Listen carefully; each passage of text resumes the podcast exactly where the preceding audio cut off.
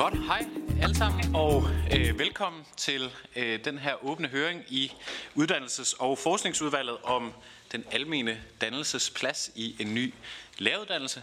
Vi har inviteret vores øh, kollegaer i Børne- og Undervisningsudvalget og Kirkeudvalget øh, med øh, til høringen i dag, så velkommen til alle jer, både til udvalgsmedlemmer, der er med her i lokalet og med øh, ude i det virtuelle rum. Velkommen til øh, oplægsholderne, og tusind tak, fordi I vil stille op og øh, gøre os klogere på en, øh, på en meget øh, vigtig debat, og som optager mange øh, herinde på tværs af øh, partier og, øh, og udvalg. Og selvfølgelig også velkommen til alle jer, der måske ser med øh, derude på øh, skærmene og følger øh, debatten i dag. Og når vi har valgt at lave en øh, høring i dag, så er det jo fordi, der foregår politiske drøftelser i regi af Uddannelses- og Forskningsministeriet om en reform af læreruddannelsen. Og der har været en udviklingsgruppe, som har fremsat en øh, række forslag, og blandt andet jo øh, forslag om forandring af øh, det fag, der hedder kristendomskundskab, livsoplysning og medborgerskab, det vi også kender som KLM. Og øh, udviklingsgruppens arbejde har jo også skabt øh, en øh, debat om øh, den almindelige dannelses øh, vægt og placering i øh, lavuddannelsen, og hvordan det bør være øh, fremadrettet. Og i den debat kan man vel roligt sige, og sådan har det vel været øh, altid i debatten om dannelse, at der er mange betydninger derude, der er mange øh, definitioner på, øh, hvad dannelse er, der bliver lagt øh, vægt på øh, forskellige elementer, og spændvidden i den debat er vel så bred, at der næsten også er tale om lidt sådan modsatrettet øh, både holdninger og øh, betydninger. Og det er derfor, vi har inviteret til høringen i dag, og har inviteret en masse øh, kloge oplægsholdere, som kan gøre os øh, oplyste om øh, de mange forskellige perspektiver, man kan have på øh, den almene dannelse øh, og dannelsen i øh, læreruddannelsen. Og nogle af de spørgsmål, vi sådan har sat op for os selv, og som vi håber at blive klogere på i dag, handler om, hvad er det for nogle dannelsesbegreber, som øh, er i spil.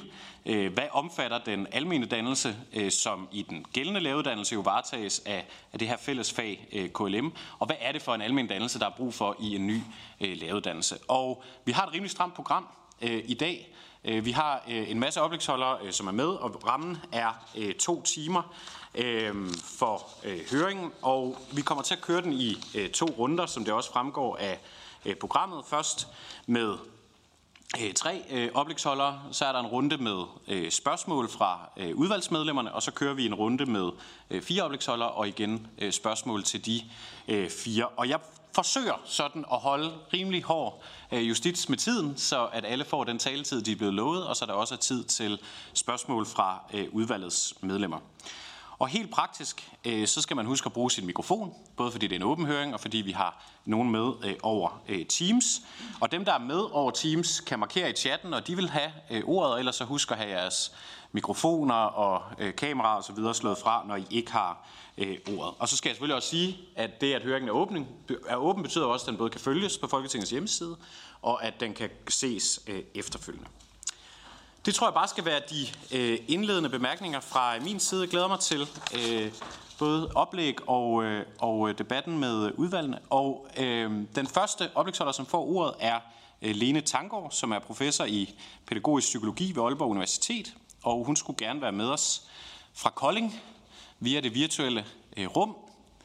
Er du med os derude, Lene? Det er jeg. Det lyder rigtig godt. Jeg tror ikke, vi kan se dig jeg og har vi kan se et på. lille billede. Ja, du har dit kamera på. Det er så fint, men værsgo, øh, Lene. Ordet, det er dit. Tusind tak, og tusind tak for invitationen til at bidrage her, og, øh, og tak også til udviklingsgruppen for at lave et notat, som man kan øh, øh, gå i dialog med. Jeg er blevet bedt om at reflektere over almen dannelse, og hvordan der kan dannes alment i øh, læreruddannelsen. Og det gør jeg fra en position som øh, professor i pædagogisk psykologi på Aalborg Universitet, og som rektor for Designskolen. Designskoler har historisk set øh, spillet en ret vigtig rolle i forhold til at diskutere, hvordan man kan skabe uddannelser øh, i, i Danmark og i verden. Øh, og jeg har aftalt, at jeg skal skifte, når jeg skal skifte min slide, så det gør jeg nu. Jeg har øh, tre øh, nedslag og 10 minutter, øh, og øh, jeg kalder det forvekslingskomedie. Jeg skal nok uddybe, øh, hvad jeg mener med det. Så øh, overvejer jeg, om nytænkning øh, øh, egentlig forstås som opløsning, og så vil jeg prøve at lave seks positive bestemmelser af, hvad almen dannelse kan være. Og I må gerne øh, skifte. Øh, det, som er en hovedpointe i, øh, i den øh, debat, som jeg har deltaget i øh, de seneste par uger med en række indlæg, øh, blandt andet i Kristi Dagblad, det er, når man går ind og kigger på øh, notatet og selve teksten, så kan man se, at der sker en forveksling af dannelsesbegrebet med kompetence eller udvikling. Udviklingsgruppen øh, definerer ikke dannelse, men øh, bruger det i samme betydning som udvikling og kompetence. Og, og man kan sige, at det er ikke ligegyldigt. Øh, nej, det er ikke ligegyldigt, fordi begreber betyder rigtig meget for den praksis, man kan udføre. Udviklingsgruppen bruger primært dannelse i nye sammensætninger af ord, hvor øh, de kan se ud til at mene kompetence, for eksempel professionsdannelse, fagpersonlig dannelse og forsknings- og udviklingsdannelse. Der kunne lige så godt stå kompetence, og hvis det er det, man mener, så øh, vil det da være mit forslag, at man bruger øh, ordet øh, kompetence. Sammensætningerne øh, kan vi se stammer fra en rapport fra Danske Professionshøjskoler fra 2020, øh, hvor der ikke tales om dannelse, men i stedet om udvikling, og hvor vi altså ser de her ord, fagpersonlig udvikling, øh, eller spor, forsknings- og udviklingsspor. Øh, så man kan sige, at ordene øh, er i udviklingsgruppens notat faktisk bare byttet ud øh, med dannelse. Og øh, det går jo ikke, øh, vil jeg sige, når man skal øh, Øh, lave et notat, som skal øh, bruges til at skabe en ny læreruddannelse, som jo er øh, den vigtigste uddannelse af alle, fordi det er den, der for alvor former fremtidens lærer og fremtidens skole. Man er simpelthen nødt til at definere, hvad man mener med dannelse, og hermed mener jeg ikke, at man skal nå frem til en forståelse af dannelse, hvad jeg kan forstå øh, kunne være kritikken af det, jeg siger. Der er absolut plads til mangfoldige dannelsesforståelser, men man, man bliver nødt til at gøre arbejdet med at, at beskrive, hvad man mener. Øh, og øh, jo ikke mindst også, hvad man mener med almen i tilknytning til dannelse, fordi at jeg forstår, at der fra politisk side er et ønske om, at der lige præcis skal være fokus på almen dannelse. Så skift gerne. Øh, jeg tror, den pointe øh, står nogenlunde klart. Så kan man sige øh, nytænkning som opløsning. Altså fag bør altid stå på videnskabelig grund. De fag, der er i skolen, står på en stærk videnskabelig grund, og det er det, der øh, gør, at man kan lave et fag.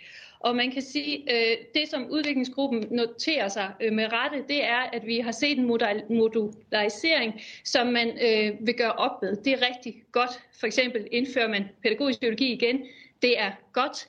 Øh, og det bør sådan helt logisk lede til overvejelse over, hvorfor man så egentlig vil opløse et fag. Når vi nu har fundet ud af, at det er ikke særlig praktisk at opløse fag i tilfældige modeluner, så synes jeg øh, helt enkelt, at man bare skal overveje, om nytænkning betyder, at man skal opløse et fag, eller om man skulle se på det fag, der er.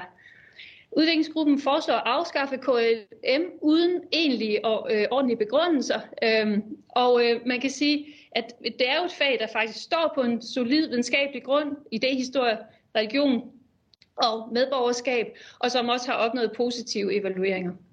Der står intet om almen dannelse i beskrivelsen af det nye fag, almen didaktik og pædagogik. Øhm, Dansesfilosofi og dansesteori, som er grundlæggende i den videnskabelige pædagogik, er fraværende i fagbeskrivelsen. Så der mangler både en, en faglig og en anvendt forståelse af dannelse i øh, forslaget for udviklingsgruppen. Øh, og øh, ja, man kan, det er måske lidt provokerende, men der mangler derfor dannelse, altså, og der mener jeg ikke dannelse, men, men det mangler helt sikkert i forslaget. Og alle fag og grundlæggende begreber i uddannelsen bør, bør stå på videnskabelig grund. Det er noget af det, vi har lært skift gerne, fordi så vil jeg gerne nå en positiv bestemmelse af øh, almen dannelse. Skrevet et øh, indlæg i dag i Kristi Dagblad sammen med øh, Kjeld Skovmand, og der er en øh, række øh, notater også. Øh, et, to notater, jeg har øh, i forhåbentlig har fået, hvor vi uddyber det her.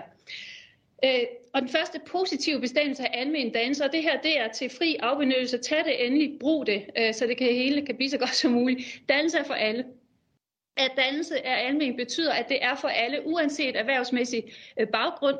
Øh, almen dannelse kan derfor aldrig være målrettet en profession, som vi ser det i anbefalingerne til den nye lavuddannelse.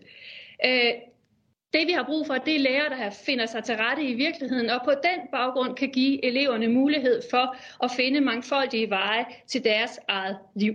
For lægmandsdannelsen, som vi kalder det, er lige så altid som menneskelivet. At dannelse er almen menneskelig. Den anden bestemmelse handler om, at dannelse knytter sig til det forhold, at det enkelte menneske forbinder sig med en menneskelighed, som i udgangspunktet er fremmed for dette menneske. Og i folkeskolens formålsparagraf øh, angår den her fremmedhed de tre øh, treenigheden af værdier, og, øh, åndsfrihed, øh, ligeværd og demokrati. Og det, som er tankevækkende, det er, at i forslaget til den nye læreruddannelse, der står hverken åndsfrihed eller øh, ligeværd, og demokrati forekommer ganske perifært. Og det vil sige, at der er ikke, øh, mener jeg, øh, god nok sammenhæng mellem folkeskolens formålsparagraf og øh, forslaget. Almen dannelse er at blive bevidst om sig selv som et historisk væsen. Altså, man skal vide som lærer, hvilke grund forskellige pædagogiske opfattelser øh, og indretninger og handlinger øh, hvor det kommer fra, det vi kan opfatte som naturligt, er jo noget, nogen har udviklet på et tidspunkt. Og som den tyske filosof øh, Gadamer siger, så er det jo sådan, at dannelse angår den type bevidsthed om fortiden, der forandrer os.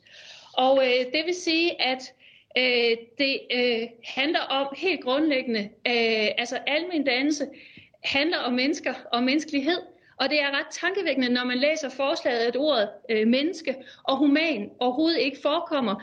Øh, så man kan spørge, hvad er dannelsen der er til for? Øh, der tales snarere om lærerpersoner, fagpersoner, myndighedspersoner, øh, snarere end om et menneske, der dannes i mødet med en tradition. Den fjerde bestemmelse, det almene er i det fremmede, øh, kender vi fra den klassiske øh, dannelsesroman Gadamer, øh, nævner det. Øh, Goethe, øh, hvor vi slet ikke behøver tale om dannelse, men hvor vi er klar over, at vi møder os selv i det fremmede, og øh, at øh, dannelse handler om at kunne se væk fra sig selv og hen imod øh, det almene. Øh, og det er i kraft af det, at ens særenhed, øh, kan man sige, får plads. Den femte bestemmelse, dannelse er en fri og formbar proces. Vi fødes ikke som færdige væsener, vi formes øh, livslangt. Og øh, derfor handler det også om øh, for øh, lærerstuderende i stor udstrækning at opstille rammer og være i processer sammen med eleverne, hvor de bliver myndiggjort. Og forudsætningen for det er, øh, mener jeg, at lærerstuderende selv har været igennem en sådan proces, øh, altså den samme type myndiggørelse og har reflekteret over, hvor, hvordan blev jeg selv det menneske, som jeg er? Øh, hvordan er jeg forløbigt endt med at være? Hvad lod jeg mig forme af? Øh, hvad lod jeg være? Og hvordan bliver jeg formet i og af min uddannelse til at kunne danne mine elever? Det kræver, at vi forstår dannelse som en fri og formbar proces, og altså ikke som noget, der er rettet mod en bestemt professionsfaglig identitet, som man læser i forslaget. Og det sidste, jeg vil sige, og så har jeg vist holdt min tid, almen dannelse er ikke en tilpasningskategori, og derfor er det problematisk at ville tilpasse dannelse til en række øh, nok så professionsrelevante øh, specifikationer, som øh, udspillet af læreruddannelsen ligger op til. Tak for det, øh, Lene. Det var øh, eksemplarisk på lige præcis øh, 9 minutter. Og hvis de andre oplægsholdere også øh, gør det, så frigiver vi et, ekstra, et, øh, et par ekstra minutter til øh, spørgsmål fra udvalget. Men inden vi når til øh, spørgsmål, øh, så går vi videre øh, øh, til den næste oplægsholder, som er øh, med os her i lokalet. Det er resten af øh, oplægsholderne. Og øh, den næste, der får ordet, er Michael Bøs, som er historiker, Dr. Phil og lektor emeritus ved Aarhus Universitet. Værsgo, Michael. Tak. Ja, jeg er som historiker, og det jeg vil gøre, det er at, at, at se på skolen som dannelsesinstitution historisk, så det er sådan en, et stort overblik. Vi skal bevæge os over 300 år. Men jeg vil samtidig sige, at øh, det oplæg, jeg kommer med her, det bygger faktisk på et kapitel, som jeg har skrevet til KLM-faget. Øh, så det indgår i, de får et indtryk af, hvad man blandt andet læser øh, på læreruddannelsen i dag i KLM. Hvert land har jo sin egen uddannelsestradition. I Danmark er det staten, der bestemmer folkeskolens værdigrundlag, og vi har nok verdens flotteste formålsparagraf for den offentlige skole. Fordi den ser skolens opgave som mere end at uddanne børn og unge til deltagelse i, på arbejdsmarkedet. Den har også en dannelsesopgave, både for deres eget liv og deres liv sammen med andre i samfundet. Der har gennem de sidste 200 år været en bred politisk enighed om, at uddannelse og dannelse er to ligeværdige formål for skolen. Men fra oplysningstiden til i dag har der selvfølgelig været skiftende forståelser af, hvad børnene skal uddannes og dannes til. Og i de sidste 30 år har der været en tendens til at forskyde hovedvægten fra dannelse til uddannelse. Og det er det, øh, jeg vil gerne vise i mit historiske ris. Og så skal vi have i den nye. Først galt det om dannelse til tro, og på det tidspunkt blev skolen øh, skabt i pietismens ånd. I 1737 blev der indført en lov om skolepligt og oprettelse af skolestuer for almuen over hele landet.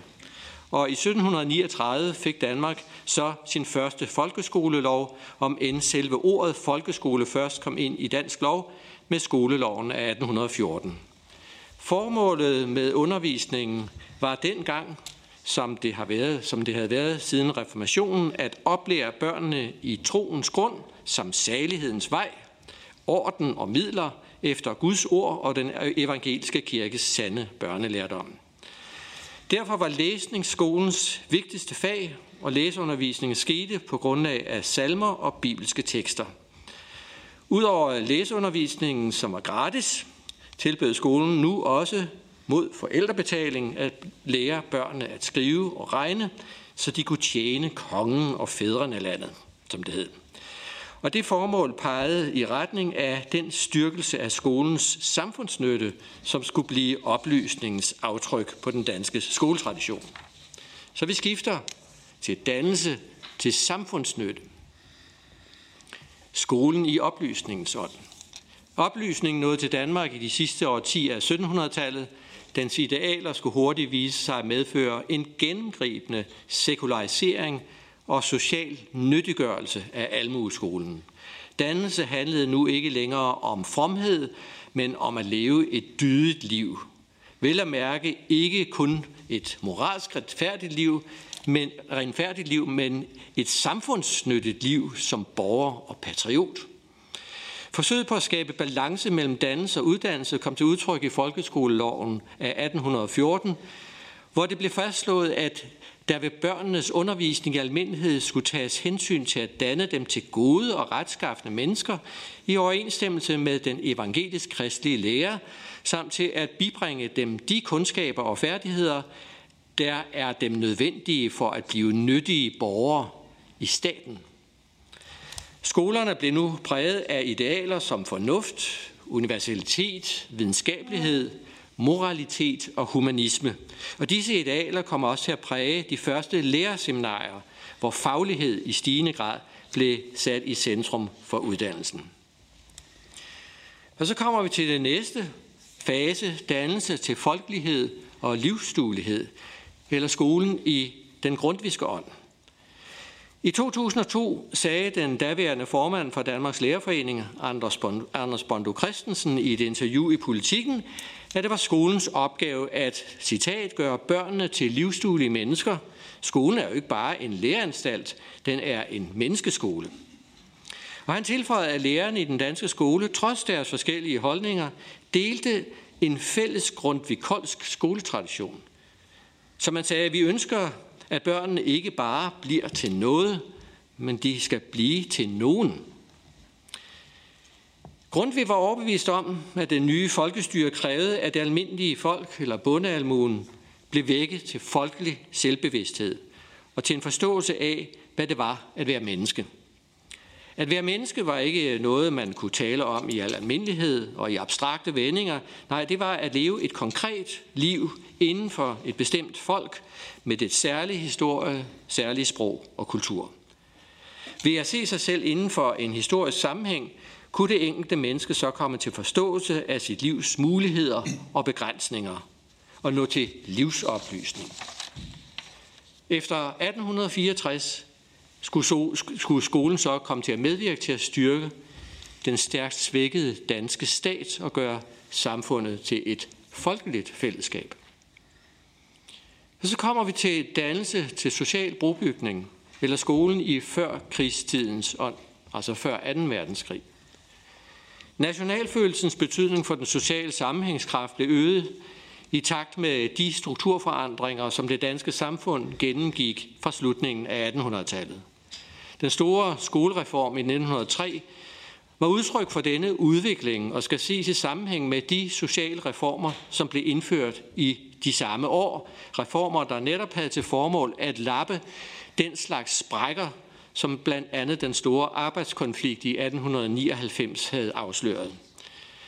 Danmark var på det tidspunkt begyndt at blive et bysamfund, og en lærer skrev i 1906 om den nye byskole. Her skal de lære af hverandre, hjælpe hverandre, komme til at forstå hverandre, følges ad så langt lyst og evner falder sammen og opdrages til at arbejde sammen. Herved får vi det fornødne fælles dannelsesgrundlag, der skal danne bro mellem de forskellige samfundslag, som landsbyskolen har formået det mellem gårdmænd og husmænd. Så den nye enhedsskole, som det skabte, betød, at borgernes ligeværdighed ikke længere kun beroede på besiddelsen af fælles kultur, fælles rettigheder, men også på et socialt fællesskab. Og så kommer vi til næste fase. Karakterdannelse og fællesskab. Eller skolen i efterkrigstidens ånd. Stavne-regeringen ophævede med skoleloven af 1937 de sidste forskelle mellem landsbyskolen og købstadsskolen. For første gang fik folkeskolen en lov, der blev indledt med en formålsparagraf. Og paragrafen opsummerede kort traditionen for at kombinere dannelse med kundskabsmeddelelse. Der stod, folkeskolens formål er at fremme og udvikle børnenes anlæg og evner, at styrke deres karakter og give dem nyttige kundskaber. I den efterfølgende bekendtgørelse fra 1941 uddybede den radikale undervisningsminister Jørgen Jørgensen paragrafens opdragende og karakterdannende ord. Skolen burde nemlig styrke og udvikle, som man skrev, børnenes sans for de etiske og kristelige værdier, give dem erbødighed for menneskelivet og for naturen, kærlighed til hjemmet og vort folk og land, respekt for andres meninger, følelse for fællesskab mellem folkene og for samhørighed med de andre nordiske folk. En videre skulle skolen bidrage til at give børnene idealer, hjælpe dem til at sætte sig mål i livet, øge deres respekt for oprigtighed i tale og adfærd og styrke deres pligtfølelse. Michael, jeg ser lige, der kun er et par minutter det er fint. tilbage i den tid. Ja. Dannelsesdemokrati, det bliver skolen i velfærdsstatens ånd, kunne man sige. Efterkrigstidens pædagogiske og skolepolitiske tænkning blev præget af en stigende fokusering på det enkelte barns behov. I den såkaldte blå betænkning, som blev skrevet i forbindelse med folkeskoleloven af 1958, hedder det således, at det er skolens formål at dygtiggøre børnene til at gå ud i samfundets og erhvervslivet, velegnet til at opfylde de krav, man med rimelighed kan stille, men først og fremmest er det skolens opgave at fremme alle muligheder for, at børnene kan vokse op som harmoniske, lykkelige og gode mennesker. Efterkrigstidens demokratisering af det danske samfund slog så igennem små 20 år senere med den daværende undervisningsminister Rit Bjergårds folkeskolelov af 1975. Her blev dannelse til demokratisk deltagelse gjort til en vigtig del af skolens dannelsesformål. Skolen skulle nu forberede eleverne til medleven og medbestemmelse i et demokratisk samfund og til medansvar for løsningen af fælles opgaver. Og derfor måtte skolens undervisning og hele dagligliv bygge på åndsfrihed og demokrati. Og det er faktisk den grundmodel, som kom til at præge de reviderede udgaver af formålsparagrafen i 1993 og 2006. Der er dog mellem 1975 og 2000 et par vigtige forskelle, der ikke blot vidner om forskellige partipolitiske vægtninger, men også de værdipolitiske opgør, der har fundet sted i dansk politik i den mellemliggende periode, og som alle er relateret til globaliseringen. Og så kommer vi til den sidste. Fra dannelse til uddannelse eller skolen i markedsstatens ånd. Statens projekt med folkeskolen blev i begyndelsen af dette århundrede i høj grad til et økonomisk projekt, hvor blandt andet de såkaldte PISA-undersøgelser har været brugt til at måle, i hvilken grad folkeskolen er i stand til at fremtidssikre Danmark. Projektet blev indledt af VK-regeringen og fortsat ASR-regeringen. Men som en af kritikerne af projektet, professor Ove Kai Pedersen, har udtrykt det, har der været tale om et regulært værdiskifte i skolepolitikken, der skyldes velfærdsstatens omdannelse til konkurrencestat. Og det har medført et syn på forholdet mellem individ og fællesskab, som er et brud på den danske tradition. En anden kritik har lyttet, at den nye satsning på kompetencer og færdigheder er gået ud over en skoletradition, som har givet det danske samfund sin styrke, elevernes ligeværdighed, kreativitet og opdragelse til samarbejde, personlig myndighed og demokrati. Jeg tror og håber selv, at vi har lært af de foregående årtiers fejltagelser, og at der er en politisk vilje i dag til at genskabe den historiske balance mellem folkeskolens dannende og uddannende formål. Tak. Tak for det, øh, Michael. Tusind tak for øh, oplægget og, og gennemgangen. Nu går vi videre til den sidste oplægsholder her i den første runde, som er Ove Korsgaard, professor emeritus i pædagogik ved Aarhus Universitet. Værsgo, Ove. Tak for det. Den tidligere socialdemokratiske undervisningsminister, Knud Heinesen, øh, har meget rammende sagt, at Folketingets vedtagelse af, hvad der er formålet med skolen, er udtryk for, og jeg citerer, hvilke væsentlige værdier, der skønnes at have almindelig tilslutning i befolkningen. Folkeskolens formålsparagraf bliver dermed samfundets trosbekendelse til fælles værdier. Det var rent faktisk Knud Heinesen, øh, der formulerede trosbekendelsen for folkeskoleloven i 1975, og som øh, indholdsmæssigt øh, indgår i den nuværende folkeskolelov næsten uændret. I det der står, skolens virke skal derfor være præget af åndsfrihed, ligeværd og demokrati. Det var ønsket om at få et stærkere fokus på folkeskolens værdigrundlag, som var baggrunden for, at medborgerskab kom ind i øh, læreruddannelsen i 2007 i sammenhæng med kristendomskundskab og livsoplysning som et alment lærerkvalificerende fag. Det fremgår ganske klart af bekendtgørelsen nummer 219, hvor i der står, at øh, målet med faget, altså KLM, er at forberede skolens elever til at tage del i et samfund med ligeværd, åndsfrihed og demokrati. Når vi fandt os, vi, jeg var sådan lige med i periferien af den proces her, altså jeg kan vist godt tillade mig at sige vi, når vi fandt det vigtige at få medborgerskab ind som et begreb, og idé i uh, læreruddannelsen hang det sammen med to forhold. For det første fandt vi, at der var behov for at revitalisere begrebet medborger. I dag er det et begreb, som vi bruger hele tiden, men i 2007 var det faktisk glædet ud af sproget. Så vi fandt, der var behov for at få begrebet revitaliseret. Øh, I det Halkok jo i sin tid gjorde begrebet medborger og medborgeridentitet til en forudsætning for demokrati. Han kaldte jo sin højskole i Krogerup for en medborgerhøjskole. Så det var det ene. For det andet fandt vi, at øh, i dagens samfund, der er præget af langt større øh, kulturel, etnisk, religiøs, øh, seksuel øh, diversitet end øh, tidligere, er det utrolig vigtigt og bydende nødvendigt at udvikle en forståelse for, at uanset kultur, uanset religiøsitet, uanset øh, etnicitet og uanset køn, så er vi fælles om, eller bør være fælles om, at være medborgere i et demokratisk retssamfund. Og det er jo klart en øh, opgave for skolen at bidrage til det. Det er derfor ikke nok, hvor vigtigt det end er, og det er bestemt vigtigt, at de lærerstuderende hver især får en god uddannelse inden for linjefag som dansk, historie og religion, matematik, øh, billedkundskab og idræt. Det er også nødvendigt, at alle studerende får en almen indføring i de rettigheder og pligter og de etiske og religiøse traditioner og demokratiske værdier, som det danske samfund bygger på. Desværre blev KLM fra starten et stridens æble i læreruddannelsen. Der udbrød benhårde kampe mellem forskellige faggrupper øh, om adgangen til at undervise i faget, og den strid gør sig stadigvæk gældende.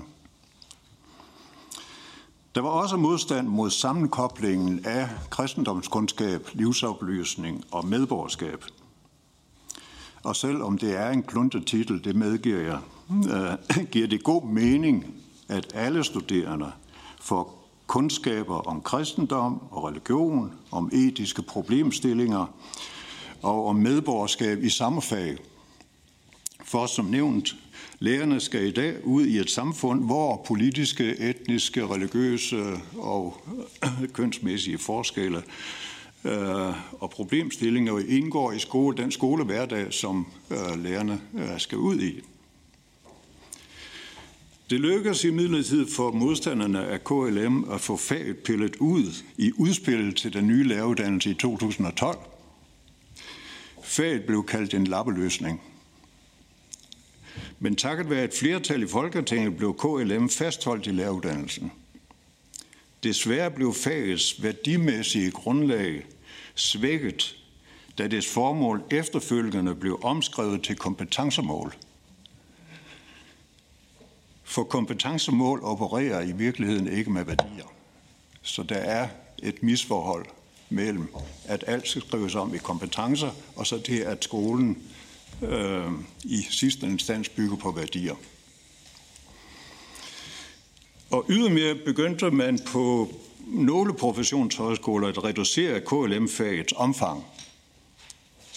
Så Folketingets flertal måtte igen træde i karakter og gøre opmærksom på, at man fra politisk side ønskede at fastholde KLM som et højt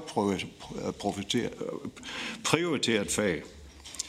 I skrivelsen til professionshøjskolerne hedder det, jeg citerer, fagkredsen, nej undskyld, forligskredsen, forligskredsen, det er noget andet, Øh, forventer, at de professionshøjskoler, som tilbyder et lavt antal obligatoriske ECT-point til almen dannelse, skråstreg KLM, fremover kom på, kommer på niveau med de professionshøjskoler, som prioriterer kompetencemålene højt.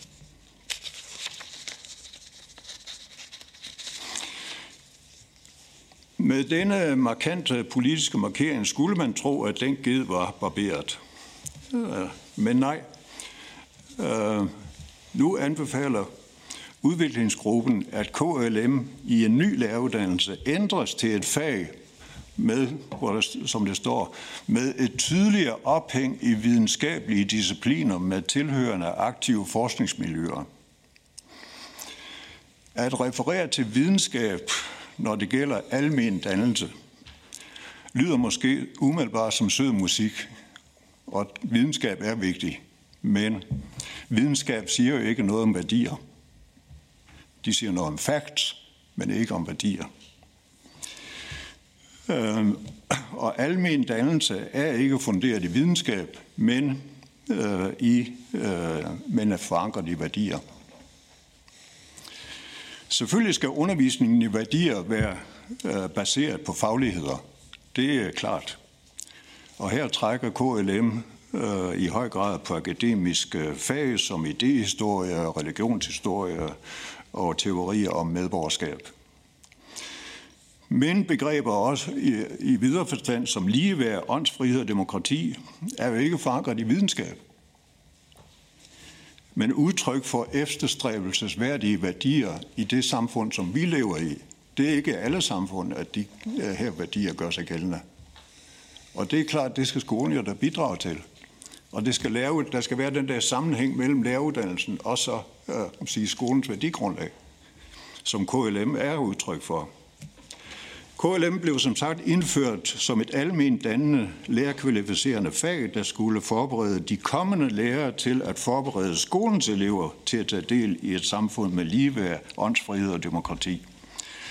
Jeg vil derfor anbefale, at KLM, som det blev tænkt i 2007, fastholdes for at understøtte det, som Knud Heinesen kaldte samfundets trosbekendelse til fælles værdier. Tak for ordet. Tusind tak øh, til dig, Ove, og til øh, Michael og øh, Lene for, øh, for jeres øh, oplæg. Og nu har vi øh, 10 minutter, hvor der er mulighed for at få udvalget at stille korte, og jeg mener korte, øh, spørgsmål, øh, som måske her i første runde også kan være øh, sådan en lille smule opklarende eller uddybende til øh, oplæggene. Når vi så har kørt en runde med de næste fire oplægsholdere, har vi de samme 10 minutter, og så er der så 20 minutter til sidst, også til spørgsmål til alle øh, oplægsholderne. Så, så der er en mulighed for at, at spørge videre. Men jeg tænker, vi tager øh, en 3-4 stykker øh, af gangen, og I øh, noterer ned øh, i tre, øh, der har været på, og så får I ordet øh, efterfølgende til at svare. Og den første, der får ordet, er Marie Krav fra Dansk Folkeparti. Nej. Nå, det tænker jeg, vi, øh, vi løser. Det, det er så fint. det tænker jeg, vi løser. Men øh, altid godt at tage egne noter. Så bliver det Ida Augen fra Socialdemokratiet. Værsgo. Mange tak, og tak for nogle meget øh, spændende oplæg, og også for at give os, kan man sige, et idehistorisk ris øh, på forskellige perspektiver af, hvad, hvad det er, vi diskuterer, når vi diskuterer dannelse. Og jeg synes, det er en ekstremt vigtig diskussion, vi har her, og, fordi jeg sådan set er enig med Knud Heinesen i, at, at vi er ved at sige, hvad er det for en, en øh, hvad han kaldte det, en trosbekendelse, øh, man laver. Og, og, og hvis man skal være mange politik, politikere enige og mange partier, så er det jo faktisk øh, ret afgørende, om man kan komme til noget enighed her. Men jeg har egentlig bare et spørgsmål. Jeg tror, jeg vil stille det til, til dig, Lene Tangård, fordi Øhm, Ove han siger, der, der er ret tydeligt, hvad han synes, vi skal gøre. Han synes, vi skal gå tilbage til 2007, og så skal vi holde fast i det. Hvis man nu tænker, at der er alligevel også sket noget siden 2007, der er øh, en kæmpe digital revolution, der er en, øh, en globalisering, der er kommet i krise, der er, der er mange ting, øh, en, en psykisk sårbarhed, der er en masse ting, pres på unge mennesker, som måske, der er hele klimakrisen. Øh, er der så noget i, i forhold til øh, opdatering, kan man sige, af at ideen om almen dannelse, som du vil pege på, hvis man, øh, hvis man ikke bare skulle gå tilbage til 2007, og Ove kan også få lov, og hvis han også vil sige noget til, var der noget, man kunne lægge til, eller er der noget på det her tidspunkt, som, som alligevel er anderledes end 2007? Hvad var det for en overskrift, øh, Michael ville give den her, når han om 50 år sidder og kigger tilbage på lærerreformen 2022? Hvad vil den så få overskrift, kunne man sige? Mm. Tak, uh, tusind tak for det. Vi, Lene, vi, vi tager lige et par stykker mere, og så øh, skal ja. du nok få ordet. Så fint. Men godt, du er vaks. Øh, den næste er Lotte Rud fra Radikal Venstre. Værsgo. Tak for det, og tak for oplæg. Mit spørgsmål er også til dig, Lene. Øh, for jeg kredser lidt om det samme, det her med, hvordan øh, får vi som politikere formuleret det her med, at det skal være en dannelsesrejse i sig selv at være på øh, lærerstudiet. Og noget af det, tænker jeg jo, handler jo også om, hvad der er. Nu har Karoline ikke haft ordet endnu, men altså, at der er morgensanger, der er teater og musicals og alt det der udenom undervisningen. Men hvad vil i virkeligheden være din anbefaling til os? Hvordan skriver vi i virkeligheden om dannelse på en, en måde, hvor du faktisk ville synes, det lød fornuftigt? Tak for det. Øh, der er ikke flere, der har øh, bedt om ordet. Jeg har selv et, et et kort spørgsmål, som nok mest er til dig, øh, Ove. Men, fordi det er jo meget klart det, du siger med, at, at dannelsen må ligesom tage afsæt i værdier. Øh, men, men der er vel også et element af dannelsen, som også er, så at sige, at operationalisere de værdier, altså at de også skal øh, anvendes, føre til øh, øh, dannelsen af medborgere, som også tager aktiv del øh, som også, øh, Klafke vil sige sådan noget, at det også er noget med at, at løse nøgleproblemerne i samfundet osv. Altså, hvordan passer det ind i, i det her aspekt med dannelsens afsæt i øh, værdierne, kunne være spændende at høre øh, lidt tanker om. Men vi starter øh, med dig, Lene, og så går vi til ja, Ove, og så hvis Michael har noget, han vil tilføje, så får han noget. Værsgo, Lene. Ja, så vil jeg øh, øh indlede med at svare. Fru Ida Augen, hvad hedder det vel? Øhm, umiddelbart så vil jeg øhm, sige, at det dur ikke, at nytænkning af det her meget vigtige fag bliver til opløsning. Så derfor vil mit forslag være, at man udvider faget. Og det vil sige, inkludere alle de vigtige dagsordner, som du øh, i talsætte. Øh, jeg ved ikke, hvilken overskrift det skulle have, men øh, vi står i, og det synes jeg også, man øh, kan høre, når, øh, når Michael øh, fortæller og, og Ove fortæller, øh, vi, vi står i et meget heterogent øh, samfund. Der er i den grad brug for at reflektere over, hvem er jeg som menneske i forhold til den anden, til det fremmede? Hvad er mit ansvar ind i den verden, jeg lever i? Øh, så altså, jeg, jeg synes øh, ikke nødvendigvis, at man behøver at stå fast på det, som var engang, eller gå tilbage. Jeg mener sagtens, man kan udvikle det her fag. Synes også, det er betimeligt at gøre det, men det skal ikke opløses. Altså tværtimod. Det, som jeg læser, man foreslår, det er, at man reducerer faget, øh, gør det til et mindre modul, og øh, på den måde, så står vi bare med, altså så får forlagene i hvert fald en god forretning, for så skal der udvikles nye bøger, hvor der så skal være et kapitel til hver enkelt af de her nye dansesforståelser. Øh, nej, tag fat i øh, det gode fundament, der er. Det kan godt være, at vi skal gå lidt tilbage, som Ove foreslår, og, og så se, hvad kunne der være af nye dimensioner, som vi inkluderer i det her. Øh, I forhold til øh, øh, fru Lotte Rods øh, spørgsmål, så øh, er jeg helt med på, at dannelse og almen dannelse ikke kun øh, foregår i et fag. Øh, det øh, foregår så absolut øh, i alle fagene og i det ekstra kurikulære, øh, når vi synger en sang sammen og øh, er til foredrag og holder en fest. Øh, men det er utrolig afgørende, at man har et begreb om netop det. Altså fordi hvis ikke vi er i stand til at at beskrive, altså som, og, og jeg, jeg har jo foreslået, og det er ikke fordi man skal gå med det, men øh, seks positive bestemmelser af, hvad almen dannelse er. De seks positive bestemmelser kan jo sagtens skrives ind i en grundlæggende forståelse af, hvad læreruddannelse øh, går ud på, også når vi ikke er i fagene. Fordi øh, hvis jeg hører dit spørgsmål rigtigt, så antyder du noget, som jeg også selv øh, læser i udspillet, nemlig at dannelse forsnævres til at være noget, der kun, næsten kun angår fagene. Og det ved vi jo godt, det ikke er. Altså set fra et psykologisk perspektiv, så er dannelse jo øh, den her øh, ikke så formbare proces. Den skal være fri. Den skal være et personligt anlæggende, og det er forudsætningen for, at lærerne kan gå ud og, og være med til at varetage de processer og forberede eleverne til at være i sådanne processer. Så det kræver, hvis man gerne vil det, du antyder, så kræver det, at man har genuine overvejelser over det almene i dannelse, og ikke ender med at forsnævre dannelse til alene et fagligt øh, anlæggende. Tak for det, øh, Lene. Og bare øh, til oplysning, så øh, herre og fru, det er kun noget, vi bruger til hinanden nede, nede i Folketingssalen. Så det behøver I ikke at, at tiltale os. På den måde har vi jo et, et meget uformelt øh, folkestyre i Danmark. Apropos, øh, apropos værdier. Og, øh, og dermed går vi til dig, Ove. Værsgo. Uh, ja, uh, når jeg foreslår, at man øh, vender tilbage til 2007 øh, udgangspunktet, så er det ikke øh, for at gøre det til en hellig, øh, et hellig gral, øh, kun som inspiration, fordi selvfølgelig øh, skal der ting, der er ting, der skal revi, eller revideres, men øh, selve tankegangen fra dengang, mener jeg, er, er vigtig at fastholde. Øh, og det andet, som du øh, spurgte om, øh, jo, altså, du, du henviste til, øh, om ikke øh, der er nye problemstillinger, øh, når det gælder dannelse, end øh, tidligere. Det mener jeg bestemt, det er. Altså, og du refererer til Klafki, og Klafki er jo, øh, gør jo opmærksom på, dannelse må, i, i enhver tid må man tage hensyn til, at man må ligesom tage udgangspunkt i, hvad er det for nogle nøgleproblemer, der gør sig gældende. Øh, så de der nøgleproblemer er helt afgørende, når man øh, taler om dannelse. Og der vil jeg sige, at nu alene øh, en par gange henvist til, at der er jo en lang tradition for at tale om dannelse i forhold til det fremmede, og at vi lærer om os selv ved at møde det fremmede. Jeg tror, at dannelse er inde i, øh, er inde i en helt, faktisk en helt historisk øh, øh, skifte. Ikke for at det fremmede ikke stadigvæk spiller en rolle, men menneskets forhold til naturen er kommet ind som en faktor, som, som man slet ikke har rigtig forholdt sig til i dannelsestraditionen. Men det er vi simpelthen nødt til i dag. Så menneskets forhold til naturen er et centralt element i hele dannelsesproblemstillingen. Og et nøgleproblem i dag. Tak. Michael, vil du... Til, jeg giver lige Michael chancen først hvis du har et kort perspektiv. Jo, ja. Ja. Ja. jo altså Jørgen Jørgensen han omtaler menneskets forhold til naturen faktisk tilbage i 1941.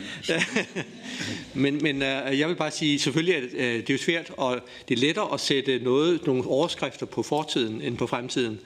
Men uh, jeg synes, jeg, kan, jeg vil da godt uh, våge at sige, dannelse til, til personlig myndiggørelse, uh, eller, eller dannelse i helst ikke konkurrencestatens ånd, men måske i kundskabssamfundets ånd. Jeg vil ikke bruge ordet videnssamfundets ånd, for det er lidt blevet lidt for slidt, og det er et spørgsmål om, det er bare videnskab. Øh, Svend Skovmand har jo på et eller andet tidspunkt diskuteret begrebet kundskab, øh, og, der, og sagt, at der ligger et etisk element, et værdielement i, i det. Men jeg vil faktisk sige, at der kunne, man kunne godt lige kigge på øh, ungdomsuddannelser og, og ungdomsuddannelserne og gymnasiet, hvor der står i paragraf øh, stykke 3, uddannelserne skal have et dannelsesperspektiv med vægt på elevernes udvikling af personlig myndighed. Der kommer myndigheden ind. Eleverne skal derfor lære at forholde sig til reflekterende og ansvarligt, der kommer det etiske ind til deres omverden. Og det består af mennesker, natur og samfund samt til deres egen udvikling. Uddannelserne skal til lige udvikle, udvikle elevernes kreative og innovative evner og kritiske sans. Det er jo en flot formulering, som man finder i, i, i gymnasieskolen. Tak. Og Lene, en, en kort øh, bemærkning for dig, inden vi går videre. Ja, øh, men det er fordi, at jeg er ret enig med Oves bemærkning omkring naturen, og jeg mener jo så, at man ret kan sige, at naturen i dag er blevet det fremmede for os, og at det lige præcis er vores dannelsesudfordring. Så med det fremmede mener jeg ikke nødvendigvis den fremmede, men det fremmede. Og det er jo også der, hvor vi kan pege på, at skolen også skal være, som, som Michael siger, også en kundskabsskole, hvor vi også møder den viden, vi øh, de børn, som ikke har mødt den viden før derhjemme for eksempel. Så der er også, jeg mener sådan set, i den her diskussion ligger der også en diskussion omkring social ulighed, øh, som, vi, som vi ikke må overse, øh, fordi der er øh, et, et fag her og en opgave for skolen, som er ekstremt vigtig, også i et samfund, som er præget af store øh, forskelle. Men bare den enkelte pointe, det fremmede er også naturen i dag. Tak for det. Så går vi videre i næste runde af oplægsholderne. Øh, vi har øh, fire styks, og vi starter med Alexander von Øttingen. Værsgo. Jamen, tusind tak. Tak for invitationen til at deltage her om almindelig dannelsesplads i lavedansen. Og jeg vil gå direkte til sagen. Vi har kun kort tid. Øh, jeg vil prøve at dykke lidt ned i det dannelsesperspektiv, som anbefalingerne har arbejdet med, og prøve at give øh, gruppen her en, en, et blik på, hvad man egentlig har diskuteret. Jeg skal også sige, at det er jo et, et, et arbejde, som dygtige mennesker har gjort igennem en, en, en del tid, og øh, det er klart, det er anbefalinger. Det er jo ikke en fix og færdig beskrivelse af et fag eller af en læreruddannelse. Det er anbefalinger, som kræver langt mere arbejde bagefter for at finde ud af, hvor man burde ligge henne. Før jeg vil sige noget om, øh, om læreruddannelsen lidt mere specifikt, så vil jeg dog nævne, at begrebet almen dannelse er jo et kæmpe begreb. Altså øh, inden for vores kulturhistorie, inden for vores filosofi, øh, som, som, øh, som man kan svært at rumme eller øh, håndtere, fordi det har en enorm stor betydning. Men Udover det, altså udover at det findes i forskellige historiske, filosofiske, teoretiske retninger, så kan man sige noget principielt, som har en vis holdbarhed. Når vi taler om dannelse, og nu taler jeg kun om dannelse og ikke almen dannelse, så skal man vide, at der altid er to processer i spil, når man taler om dannelsesprocesser. Det ene er noget individuelt og noget fælles. Noget individuelt, jeg skal udvikle mig, men jeg skal også møde noget, gå i vekselvirkning med noget, gå i i, i infight med noget, der er ud over mig, der er større end mig, noget fælles. Når man kigger på det almendannende i det her begreb, så har det mange forskellige betydninger, det almene. Et er, at det er en kategori, der siger almen for alle, altså en, for alle børn, for alle voksne mennesker, for alle øh, i livet igennem. Opdragelse slutter på et tidspunkt i menneskers liv, men dannelse fortsætter hele livet. Det er forskellen. Så det, noget, det almene har også noget at gøre med, det er et alment indhold. Ikke? Når vi taler om dannelse, det er fordi, vi har en forestilling om, at der er et alment indhold, der er vigtigt at give videre for generationer. Almen dannelse er ikke noget privat. Det er en offentlighedsting. Det er noget, vi er fælles om. Et andet princip er, at almen dannelse ikke er specialiseret viden. Det er en almen viden, som man fremmer med almen dannelse, og som jo udtrykker alle vores, øh, kan man sige, praksisformer, vi kender som mennesker. Det etiske spørgsmål, det religiøse spørgsmål, det politiske spørgsmål, det æstetiske, det historisk-poetiske osv. Og så er almen dannelse almen, fordi den rammer alle vores menneskelige udtryk som hovedet, vores fornuft, vores hjerte, vores følelser, men også vores hånd, altså vores krop. Så dannelse er lige så kropsligt, øh, som det er intellektuelt, som det er følelsesmæssigt. Og når dannelse har sådan en stor karakter, så er det klart, så bliver det en grundkategori i det at uddanne lærere. Det er derfor, anbefalingerne slår fast, at det skal være adresseres i formålet, i uddannelsens formål, og at det skal være en kategori, et emne i alle fag, i hele uddannelsesforløbet, i fagene og i praktikken. Fordi det er helt afgørende. Men udover det, så prøver anbefalinger også at sige, der er altså også nogle fag, vi skal have skabt, vi skal have defineret, som kan sikre, at vi sørger for, at vores studerende, vores læreruddannelsesstuderende, at de kommer ind i en forestilling om, hvad dannelse er inden for deres métier. Og derfor peger det på to fag. Skolen som dannelsesinstitution og lærerens professionelle autoritet og dannelse. Det er ikke tilfældigt, at det er disse to ting, man peger på. Det ene har at gøre med institutionen. Du skal vide, når du er på læreruddannelsen, så skal du forstå, hvad en institution er. En skole som en dannelsesinstitution. Hvad kan den, hvad kan den ikke? Og du skal forstå, at du som lærer skal udvikle dig. Din profession handler om, at du personligt udvikler dig i lyset af den profession, du engang skal være. Så derfor har vi lavet to fag. Skolen som dannelsesinstitution og lærerens professionelle autoritet og dannelse. Og jeg skal nok uddybe dem lidt mere.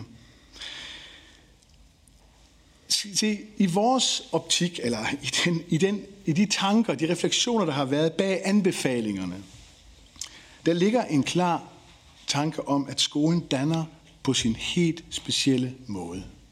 Der findes mange forskellige dannelsesarenaer i vores moderne verden. Familien, politikken, arbejdslivet, fritidslivet, kirken, kulturen, videnskaben og meget mere, de danner. De er en del af det almindannende kultur, som vi har. Men udover det er der en skole, som danner på sin helt egen måde, og det gør den ved, at, og det er det fantastiske ved skolen, at den undervisende danner børn. Altså alt, alt hvad vi tillægger af værdi, tilværelsen, livet, videnskab, demokrati, folkestyre, etik, etiske, religiøse, eksistentielle værdier, de bliver undervisende tilgængelige for børn i en skole. Og det er fantastisk, at man gør dem undervisende tilgængelige. Fordi det sigter om, at du i din dannelsesrejse har brug for, at du kommer ind i en undervisende tilgang til de her ting. Men ikke undervisning i snæver forstand. Det handler ikke om at lave en eller anden øh, faglighed kun. Det handler om at se undervisning meget bredt, meget bredt, inkluderende lejerskole, inkluderet frikvarter, fester osv. Alle de ting, som en skole i dag repræsenterer, er en del af skolens undervisningsarkitektur. Tager man undervisning ud af skolen, så falder den. Så er den ikke noget. Og det er det, vi har i, øh, øh, i udviklingsgruppen og anbefalingerne gjort stærk. En skole skal være stærk, og derfor det her fag. Altså, pointen. Skolen danner, fordi den undervisende, undervisende sætter dannelsesprocesser i gang, som sikrer, at den viden og de værdier, generationer, og Michael har nævnt nogle af dem, også Ove, formidler og synes, det er vigtigt at give videre. Derfor er det helt afgørende, at dannelse er en fælles kategori i hele lavedansen, og at de studerende forholder sig til skolen som en dannelsesinstitution, for det er der, de skal være. Og det er der, de skal udvikle deres skole og profession. Jeg vil sige, at jeg med Danmarks Lærerforening var så heldig at lave et projekt, der hed Folkeskoleidealet. Og jeg kan bare håbe på, at, at, at øh, udvalget vil prøve at kigge på de her idealer, der er blevet formuleret der. De viser båndbredden af skolen som en dannelsesinstitution. Et fantastisk arbejde, Danmarks Lærerforening fik lavet. Man kan også godt sige det på en anden måde. I skal huske, at de studerende kommer med en viden om skolen fra deres egen skoletid. De kender skolen som elever, nogen kender dem som forældre, og, nogen, og de alle, alle kender dem som borgere. Men det, de skal lære på uddannelsen, det er at forstå deres skole som en dannelsesinstitution. Det er det, vi prøver på på læreruddannelsen at gøre. Og dermed er jeg over i lære den professionelle autoritet og dannelse. Så man, det er vigtigt, og, og det er ikke øh, flabet ment. Øh, jeg håber, at øh, de studerende på læreruddannelsen skal ikke blive de bedre demokrater og etikere og medborgere. Det skal de ikke. Uddannelsens formål er ikke at gøre dem til de bedre og mere dannede. De er lige så dannede og uddannede, som vi er her i det her rum. De er borgere i Danmark. Nu kommer de så på en uddannelse. Men i den uddannelse skal de endnu en gang reflektere deres egen dannelsesproces. Og hvorfor? Ikke fordi de skal være superdannere. De skal på et tidspunkt stå ved siden af børn og guide dem, vejlede dem, rådgive dem, opfordre dem til, der, til børns dannelsesprocesser. Og derfor bliver de nødt til på, i deres uddannelse at bruge deres egne dannelsesproces som en spejling i deres profession som lærer. De står engang som professionelle lærer ved siden af børn, der skal opfordres til en dannelsesproces, hvor målet for børnene ikke er givet på forhånd, men det er børnene selv, der skal finde ud af det. Hvad betyder det?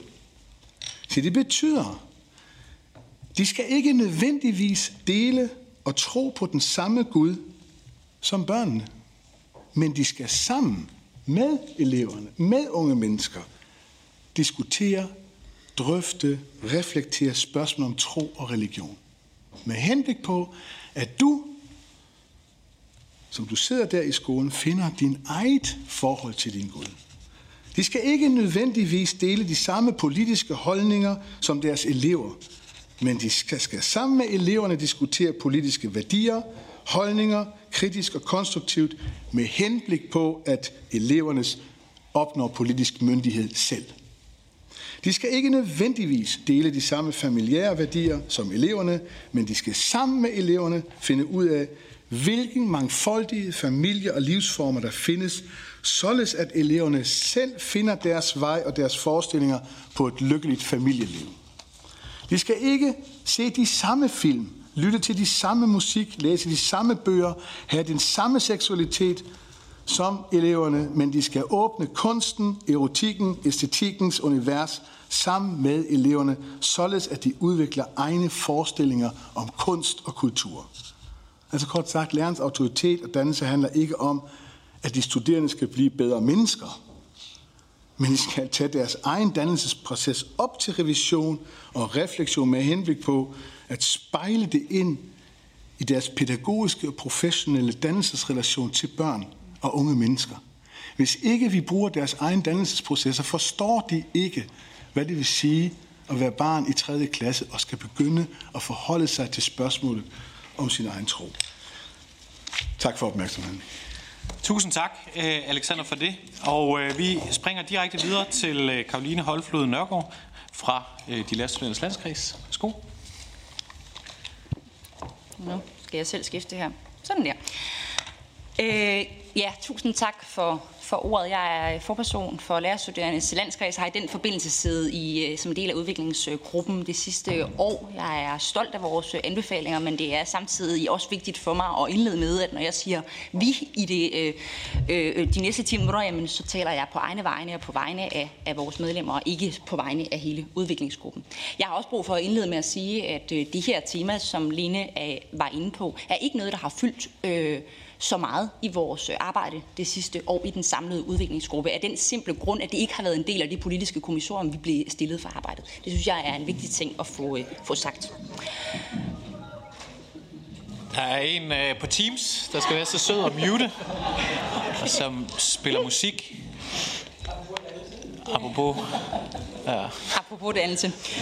Nå, som lærerstuderende har vi gennem hele det her arbejde været meget optaget af at styrke det almen dannende område i øh, læreruddannelsen. Det tror jeg, vi mente, vi øh, gjorde med vores øh, anbefalinger, men der er vel sjældent noget, klog, noget mere dannende end at blive klogere mere øh, til det senere.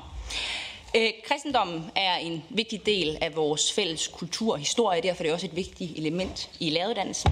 For læreruddannelsen stiller og lærergærningen stiller store krav til vores evne til at handle med mod og med myndighed i situationer, som er svære at forudse. Altså tænk bare sådan noget som Mohammed-krisen og coronavaccinationer og ytringsfrihed, inklusion og klimakrise. Det er øh, svære temaer, som på den ene eller den anden måde er til, til stede i folkeskolen, i det der svære sådan, øh, spændfelt mellem individ og fællesskab. Vi ville rigtig gerne kunne finde svarene på de ting i sådan en konkret teori eller i en eller anden øh, værktøjskasse med metoder, men det kan vi ikke. Og derfor så er der brug for det, der også er praksisfjernt, som klassisk ligger i KLM-faget, i en ny læreruddannelse. Selvfølgelig bor dannelsen ikke alene i KLM. Der er dannelse i pædagogik, der er dannelses i, når vi åbner øh, elevernes øh, verden gennem fagene. Og der er dannelse i debatter og i fredagsbarn og i foreningslivet og i vores møde med eleverne. Og at alt det, der ligger uden om undervisningen, det har en stor betydning på læreruddannelsen, det er ikke nyt. Nu skal jeg se, om jeg har fået den her til at virke. Der har jeg. For det er ikke tilfældigt, at seminariernes historie er tæt knyttet til højskolens historie, eller at der på læreruddannelsen i Skive står den her skulptur med, at det kræver et menneske. Tag Kampmann, som er en mangeårig sådan, seminarierektor, øh, han har øh, tegnet det her billede af læreruddannelsen af 1945. Det er lidt længe siden, men jeg vil alligevel gerne læse det op. Forstanderen og mange lærere samlede en aften om ugen eller måneden. Elever i deres hjem til studiekredse, litteraturaftener, bibeltimer eller åbne drøftelser. Og på seminaret var lørdagsaftener ofte en kombination af åndelig føde og fest. Seminarets kor og orkestre var levende elementer i det tilbagevendende fester og koncerters program, og teater- og revyforestillinger var også faste årlige begivenheder. Jo, seminarieliv var liv i bred og vid forstand. Jeg synes, den sidste sætning siger det så fint. Jeg har fulgt meget med i, i debatten her om, om særligt KLM-faget, der har kørt de sidste, de sidste par måneder og uger. Øh, og om end jeg har enormt stor øh, respekt for, øh, for de foregående taler, så part debatten også en tendens til at blive lidt fjern øh, fra øh, helt almindelige lærerstuderendes virkelighed. Alexander jokede med, at jeg har noteret nok ned til at have øh, undervejs her den sidste time, til at have nok til, øh, til mit bachelorprojekt. Det er rigtigt nok, men jeg vil alligevel gerne prøve at give jer sådan et indblik i en helt almindelig lærerstuderende anno 2022's øh, hverdag fra en studerendes perspektiv.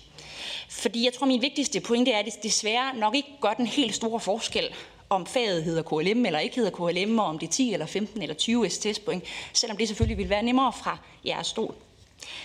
Sidste år, der blev 1467 nye lærerstuderende optaget på en af de her fire uddannelser.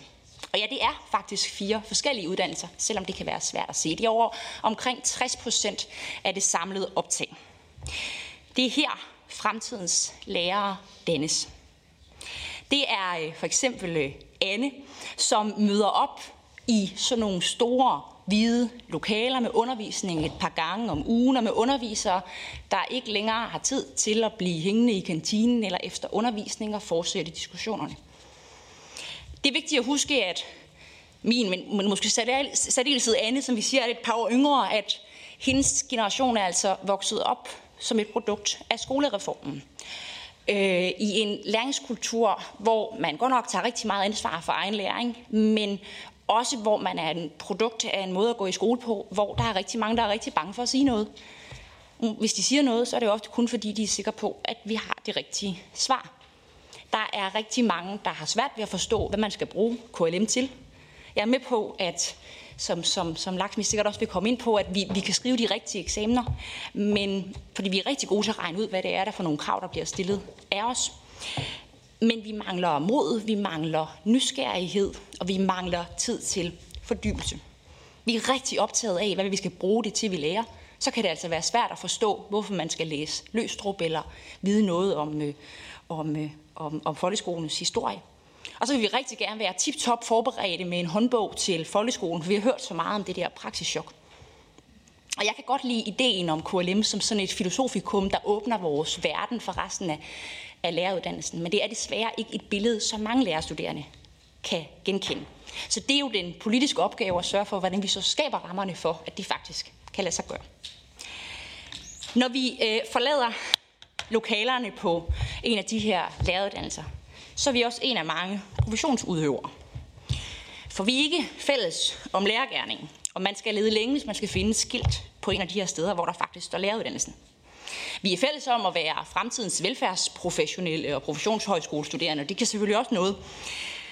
Men øh, vores fritidsliv øh, og vores fællesskab om at være lærer, men det må vi finde et andet sted. Og det er ellers stik imod den tradition, som læreruddannelsen og lærerseminarerne bygger på. Idehistorikeren Hans Jørgen Schand, som desværre gik bort i sidste uge, han skrev med reference til Grundtvig, at et fællesskab uden ånd er som et sammenrend ved et busstopsted, hvor man nok er sammen, men hvor man ikke er fælles om noget. Og det er det indtryk, vi er rigtig mange, der kan genkende for læreruddannelsen i dag. Men den læreruddannelsesvirkelighed, det er jo udtryk for nogle politiske valg. Og man kan godt beskylde mig, og det gør Alexander tit, for at mene, at alting var bedre i gamle dage. Men vi skal ikke tilbage til de gamle dage. Vi skal sådan set, vi kan sådan set bare se, hvad højskolerne gør. At de er i stand til at tiltrække unge i præstationsfrie rum, hvor man bringer sig selv i spil i mødet med andre. Er modig i mødet med andre. Vi kan også bare kigge på, man sådan lidt, lidt kantet kunne sige, den anden halvdel af vores læreruddannelser. Her øh, har vi øh, Frederiksberg og Nørre Nissum og Skive. På næste slide har jeg Jøring og Jelling og Vordingborg. Der er læreruddannelser, der laver uddannelse på en anden måde, og vi kan tydeligt mærke, at der er forskel på, hvilke slags lærere vi uddanner. Der er brug for at have holdninger til, hvad dannelsen på læreruddannelsen skal være. Der er brug for at dyrke og genfinde den særlige læreruddannelseskultur. For som Line også var inde på, så kan dannelsen ikke være, være alting. Vi er nødt til at have nogle holdninger til, hvad læreruddannelsen skal være. I vores anbefaling i udviklingsgruppen, der peger vi på flere ting, som kan styrke den almindelige dannende læreruddannelse. Derfor er jeg heller ikke enig i analysen af, at vi øh, simplificerer dannelsen til at være et spørgsmål om enten KLM-faget eller de to nye fag, vi foreslår, øh, eller fag. Blandt andet så foreslår vi en gennemførelse af pædagogikfaget, flere undervisningstimer, en afskaffelse af modulerne, et formålsparagraf igen, og en afskaffelse af kompetencemål. Og så foreslår vi en øh, bedre og længere praktik, som kan bringe os tættere på lærergærning. Det tror jeg er meget, meget vigtige elementer. Men jeg vil også gerne foreslå tre ting, der rækker ud over vores anbefalinger i udviklingsgruppen. At der politisk tager ansvar for, hvordan vores uddannelsesbygninger og institutioner udvikler sig. Nogle af bygninger, den hænger vi jo nok på. De har været vældig dyre at bygge. Men det er tid til, at pendulet svinger tilbage, og særligt nu, hvor at et nyt, et stort, bredt flertal har øh, stået bag en aftale, der kommer til forhåbentlig at, give os adskillige nye læreruddannelser, så det er vigtigt, at vi er opmærksomme på, at det har en betydning, hvilke steder vi uddanner lærere. To, at I ser på måder, hvor vi kan genetablere den lokale læreruddannelsesrektor. En titel, der slet ikke findes i dag. En, der kan være autoritetsfigur på læreruddannelsen og i lokalsamfundet, og som igen kan være en markant meningsdanner med holdninger til, hvilke lærere vi uddanner. Vi er glade for de dygtige professionshøjskolerektorer, men det er ikke læreruddannelsesrektorer. Hvad hedder det? Sidst og vigtigt. Så vi foreslår, at vi samler øh, de to øh, fag, vi har foreslået i et nyt KLM-fag på 20 STS-point. Jeg, har, øh, jeg, jeg tror, jeg tænkte, vi havde fundet nogle lidt bedre navne. Det kan jeg godt forstå, det har vi ikke. Hvad hedder det? Men hvor vi ud over de klassiske temaer i øvrigt fra bekendtgørelsen i 2007, som der er blevet henvist til flere gange, nemlig religion og kultur, idehistorie, etik, demokrati og medborgerskab, tilføjer et nyt tema, som kunne hedde autoritet, profession og dømmekraft, fordi hvis vi hæver øh, det samlede område til 20 STS-point, og det ligger i øvrigt med tråd med vores anbefalinger, for man kan bare tage de to 10 STS-point fag, vi har lavet, slå dem sammen, så bliver der også noget rum til at indføre nogle af de elementer fra forslaget om lærernes professionelle øh, autoritet og dømmekraft. For vi har brug for at have plads til flere performative elementer i læreruddannelsen. Vi har brug for at få retorik tilbage. Vi har brug for at have mere af det, der interesserer sig som os og som mennesker, og hvor der er i en større grad, særligt i starten af læreruddannelsen, plads til, at vi kan bringe os i spil og øh, opleve, at læreruddannelsen er et sted, hvor man skal kunne være modig, og man skal kunne være myndig. Øh, og det tror vi, man kan finde plads til i, en, øh, i et nyt, samlet, stort KLM-fag. Tak for ordet. Tusind tak for det, Karoline. Og vi springer øh, direkte videre til øh, den næste opsøgsholder, som er øh, Laksmi Sigurdsson, og som er lektor og sensorformand for KLM-faget i dag. Værsgo. Ja, tak for ordet, og tusind tak for, at øh, vi har fået muligheden for at drøfte KLM og almen dannelse ved denne her høring. Det er jeg rigtig glad for. Som sensorformand for KLM læser jeg hver sommer alle sensorrapporter og skriver en sammenfatning af dem i den årsrapport, som udgives af sensorformandskabet. Og et gennemgående træk, siden KLM blev etableret i 2007, er sensorernes meget positive vurdering af den særlige dynamik, som kendetegner faget. Der er også kritiske kommentarer, og de går oftest på rammerne for faget, det vil sige, at der ikke har været tilstrækkelig tid til at sikre en integration mellem de grundelementer, som indgår i det, eller at et enkelt aspekt af faget er blevet prioriteret for ensidigt. KLM er nemlig et komplekst fag, der kræver god tid til fordybelse, samtale, analyse og refleksion. De lærerstuderende kommer med forskellige gymnasiale uddannelser og har derfor forskellige forudsætninger, når det gælder almen viden om kulturhistorie, religion, kristendom og medborgerskab. Og her får KLM for mig at se en vigtig rolle som sådan en form for professionsrettet filosofikum, hvor der er mulighed for at både forstå, men også drøfte centrale værdier i skole og samfund. Og så kommer eksemplet, som øh, Karoline havde forventet. Øhm, i, sin, i, øh, i, efter eksamen i januar skrev en af mine studerende til mig, at han i KLM havde mødt aspekter, og citat, jeg citerer, vi normalt ikke beskæftiger os med i vores øvrige fag i læreruddannelsen. I sin skriftlige opgave om etik og menneskerettigheder forbandt han de lange idehistoriske linjer fra antikken over oplysningstiden frem til FN-erklæringen af 1948 og børnekonventionen med aktuelle dilemmaer i skolens dagligdag. Og ved den mundtlige eksamination udvidede han perspektivet ved også at inddrage kristendom og islam i relation til menneskerettighederne. Det er for mig at se et godt eksempel på, hvordan forskellige faglige elementer forbindes i KLM. I 2007 blev faget defineret som et alment lærerkvalificerende fag, der anskuer dannelses- og værdispørgsmål ud fra sammenhængen mellem en religionsfaglig, en idehistorisk og en medborgerskabsrettet synsvinkel – og opgaven var på tværs af de her centrale kundskabs- og færdighedsområder at arbejde med forskellige mennesker og samfundssyn og deres betydning for den pædagogiske praksis i skolen. Styrken i faget er, som jeg ser det, dynamikken mellem de tre synsvinkler, som også reflekteres i de tre centrale indholdsområder, som Karoline lige har nævnt. Religion og kultur, idehistorie og etik, demokrati og medborgerskab. Og det er samspillet imellem dem, som sætter en vigtig ramme for overvejelser om lærergærningen og skolens formål. Sensorerne nævner ofte, at KLM giver de studerende en basisviden, de kan bygge videre på i resten af uddannelsen. Det gælder især en viden og forståelse, der sætter dem i stand til at håndtere udfordringer i skolen, hvor der kræves en religionsfaglig, kulturfaglig og idehistorisk baggrundsviden. Og nu har jeg allerede glemt, at du skal skifte to gange frem, men I får slides bagefter. De fremhæver også fagets relevans for lærerprofessionen, som når en af dem skriver, jeg er skoleleder, og det er måske et af de mest relevante fagområder set som praktiker. Og når det er kursiv, så er det citater fra sensrapporterne. Og der er en anden, der fremhæver, at KLM ikke alene er indlysende, men også nødvendig som grundlag for varetagelse af lærergærningen. Fordi det er afgørende, at de kommende lærere har en fornemmelse for den større sammenhæng, både historisk og internationalt, og det komplekse tanker, som det at sende børn i skole indgår i. KLM hører, som I allerede har hørt, til det, man kan kalde for de fælles fag i læreruddannelsen, som i den nuværende bekendtgørelse er samlet under overskriften lærerens grundfaglighed. Det er på en måde en misvisende betegnelse, for en lærers grundfaglighed ligger selvfølgelig også i deres undervisningsfag. Derfor foretrækker jeg at kalde det for fællesfag. Det er nemlig de fag, som alle lærerstuderende skal følge, og som udgør et fælles fundament for resten af uddannelsen og for lærergærningen. Det er positivt, synes jeg, når udviklingsgruppen foreslår, at de pædagogiske fag skal vende tilbage til klassiske fagbetegnelser som pædagogik, almen didaktik og pædagogisk psykologi. Jeg har også lyst til at påpege, at der er en god tradition for et konstruktivt samarbejde mellem KLM og de pædagogiske fag. Ud fra en forståelse af det, vi arbejder med i KLM på første årgang, bidrager til at etablere et begrebsligt, kulturhistorisk og idehistorisk fundament for det videre arbejde, både med de pædagogiske fag og med undervisningsfagene. Det er til gengæld svært for mig at finde saglige begrundelser, og jeg har heller ikke hørt nogen i dag, for at ændre både fagbetegnelser og indhold i KLM, sådan som udviklingsgruppen lægger op til. I KLM sætter vi for eksempel begreber som medborgerskab, menneskerettigheder og verdensborgerskab ind i en idehistorisk og virkningshistorisk ramme, med blik for både aktuelle dilemmaer som, hvad betyder frihed, selvbestemmelse og solidaritet for medborgerskab? Hvad var den historiske baggrund for FN's verdenserklæring om menneskerettigheder, og hvordan hænger den sammen med Europas historie og Danmarks historie?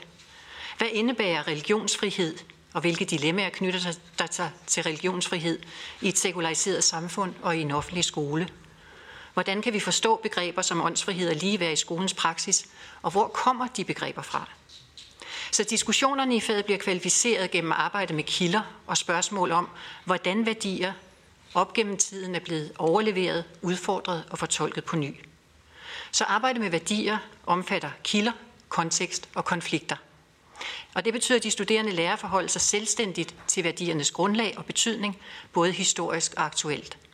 Og sensorerne fremhæver faktisk, at faget dermed yder et vigtigt bidrag til refleksion og kritisk tænkning. Fagets lange tidshorisont og komplekse filosofiske spor er vigtige, skriver en af dem, netop fordi de giver læreren dette ekstra lag af indirekte relevans, som vil gøre dem til klogere og mere reflekterede lærere, end den lærer, der blot har lært sig nogle didaktiske redskaber, men ikke kan tænke bagom dem. Den evaluering, vi fik af læreruddannelsen i 2008, konkluderede KLM, at de studerende opleves, og de har interviewet studerende, som en styrke i læreruddannelsen, og at faget udgør et væsentligt fundament og en potentiel rød tråd til at forstå lærerfaget. Det stemmer fint overens med det, jeg læser hos sensorerne, når de fremhæver KLM som et vigtigt og øjenåbnende dannelsesfag, der retter sig mod, og jeg ligefrem tvinger til refleksion over lærerens forhold til professionen i sin helhed, såvel kulturelt som etisk og professionelt. Og den røde tråd, som øh, de taler om, bliver stærk, når faglig viden om kristendom, om andre religioner, om livsoplysning og etik, demokrati og medborgerskab, giver dem et kendskab til den komplekse tradition, som samfundet og skolen hviler på. På den her baggrund har jeg altså virkelig svært ved at forstå, at udviklingsgruppen umiddelbart lægger op til at nedlægge KLM. Og de to nye fagmoduler, synes jeg, har uklare betegnelser uden tydelig faglig eller akademisk forankring. Det fremgår godt nok, at skolen som dannelsesinstitution fortsat skal omfatte nogle indholdsområder fra KLM. Men jeg synes, det er rigtig ærgerligt, at man slikker, slipper den her særlige dynamik, som er det, der giver faget det styrke, og at det hele skal rummes i et modul på 10 SCTS. Og det forbliver altså, som jeg har sagt, uklart for mig, hvorfor man ønsker at ændre fagets navn. Lærerens professionelle autoritet og dannelse kan tematisk, som jeg ser det, uden videre integreres i KLM, hvor vi allerede behandler begreber som autoritet, dømmekraft, medbestemmelse og autonomi. Men her kan vi godt tale om en udvidelse, der kan give mulighed for, at vi kan koble det mere idehistoriske og begrebsanalytiske arbejde med praksisorienterede metoder og øvelser, det performative element, som Karoline taler om. Endelig er der øh, spørgsmål om placering af KLM. Udviklingsgruppen foreslår at placere skolen som dannelsesinstitution på tredje årgang, og det forstår jeg simpelthen heller ikke. Det betyder en opgivelse af KLM som en overordnet almen dannelsesparaply for læreruddannelsen, igen uden at vi får klare begrundelser for det. Og det står i direkte kontrast til ekspertgruppens evaluering og til sensorernes vurdering af faget. For sensorerne er det nemlig tydeligt, at KLM er et, ja, komplekst og udfordrende fag, men også et fag, som er både professionsrelevant og horisontudvidende. I en fireårig læreruddannelse, og det er vigtigt at understrege, er KLM heldigvis ikke alene om den almene dannelse. Så alt det, vi kunne ønske os ind i læreruddannelsen, skal ikke alt sammen placeres i KLM. Lad os, lad os have en arbejdsdeling og en klarhed over, hvad vi gør i hvilke fag. Men man kan sige, at KLM varetager, og der må gerne skifte igen. Øh, og måske er det endda to gange, lad mig lige se. Ja, en gang til. Sådan der. At KLM varetager almen dannelse på en særlig måde, som et idehistorisk, nationalt og universelt kontekstualiseret fag, der på faglig grundlag sammenholder kultur, eksistens og fællesskabsforståelse, og det er i forhold til såvel sekulære som religiøse perspektiver og positioner, som grundlag og paraply for lærerstudier i alle fag, og med kommende lærervirksomhed i nutidens pluralistiske skole som horisont, det vil sige hele tiden med folkeskolens formålsparagraf som det centrale udgangspunkt og anledning. Udviklingsgruppens forslag til en ny nytænkt læreruddannelse giver ingen gode argumenter for at ændre fagbetegnelsen, reducere omfanget og ændre indholdet i KLM. Så ud fra sensorrapporterne må min anbefaling være, og ud fra mine egne erfaringer med undervisning i faget gennem mange år, bevar KLM som et almindeligt lærerintroducerende fag på første årgang og med et omfang på mindst 15 ECTS og fastholdt den nuværende fagbetegnelse. Og så tænker jeg, at det kan være en god idé at se både på 2007-bekendtgørelsen, som sætter den, den, den klare sådan, tredeling og ramme for faget, men også nogle af de elementer, som kom ind i, øh, i, i 2013, selvom jeg er enig med Ove i, at det var et problem med den kompetencemålstænkning, som blev styrende for den proces. Jeg sad selv i skrivegruppen, og jeg var ikke tilfreds med det, der kom ud af det, fordi vi blev styret med meget hård hånd. Så lad os komme tilbage til indholdsbestemmelser, i stedet for den her kunstige opdeling i færdighedsmål og vidensmål, for de blev peget på en altså virkelig mærkelig måde. Og selvfølgelig kan det også godt, altså selvfølgelig er det relevant, når, når vi arbejder hen imod en ny læreruddannelse, at se på opdateringer og nye elementer, der skal ind. Men vi har et godt grundlag i KLM-faget, så lad os fastholde det som udgangspunkt og så arbejde videre derfra. Tak. Tak for det øh, øh, oplæg, og vi går nu videre til dagens sidste øh, oplægsholder, øh, Johannes Adamsen, lektor og Ph.D. Værsgo.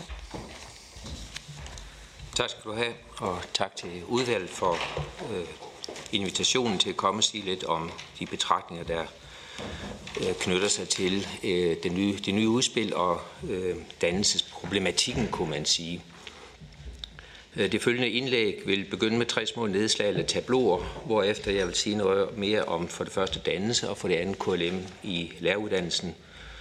Øh, til sidst vil jeg samle op i forhold til dannelsens vilkår øh, i det, vi normalt kalder moderniteten, altså den nuværende tid med dens problemer siden oplysningstiden. Første nedslag. En dansk fængselsbetjent har besøg af kolleger fra et andet land, som vi normalt ikke sammenligner os med. På et tidspunkt siger denne fremme betjent fortroligt, øh, du øh, vis mig lige torturkammeret. Den danske betjent svarer forskrækket, at, at sådan en har man virkelig ikke. Hvorpå kollegaen siger, det ved jeg godt, vis mig det nu alligevel. Følgende udlæs. Et godt land er et land, hvor de studerende morer sig lidt ved fortællingen, for de ved, at også politi og myndigheder er underlagt loven. Andet nedslag. En ganske kendt religionsforsker skulle have erklæret Anders Ans Anneby for sit yndlingssted, fordi der ikke er nogen religion. Det er fuldstændig sandt, men der er heller ingen død og ingen sex. Så står man med et samfund, hvor kun penge tæller og tælles. Følgende udlæses. Anneby ideal er et ideal om et sted, hvor alle konflikter, for eksempel om religion og livets basale spørgsmål, løses ved at de fjernes. Tredje nedslag. Den tyske teolog og filosof Schleiermacher skrev i et åbent brev i 1826 om det, han kalder historiens knude. Skal da, spørger han, skal da kristendommen gå med barbariet og videnskaben med vantroen? Schleiermacher kunne på daværende tidspunkt egentlig ikke forestille sig, at videnskaben går med barbariet. Det kan vi. Men det, han sætter imod barbariet, er virkelig interessant. Det er nemlig dannelse kultivering.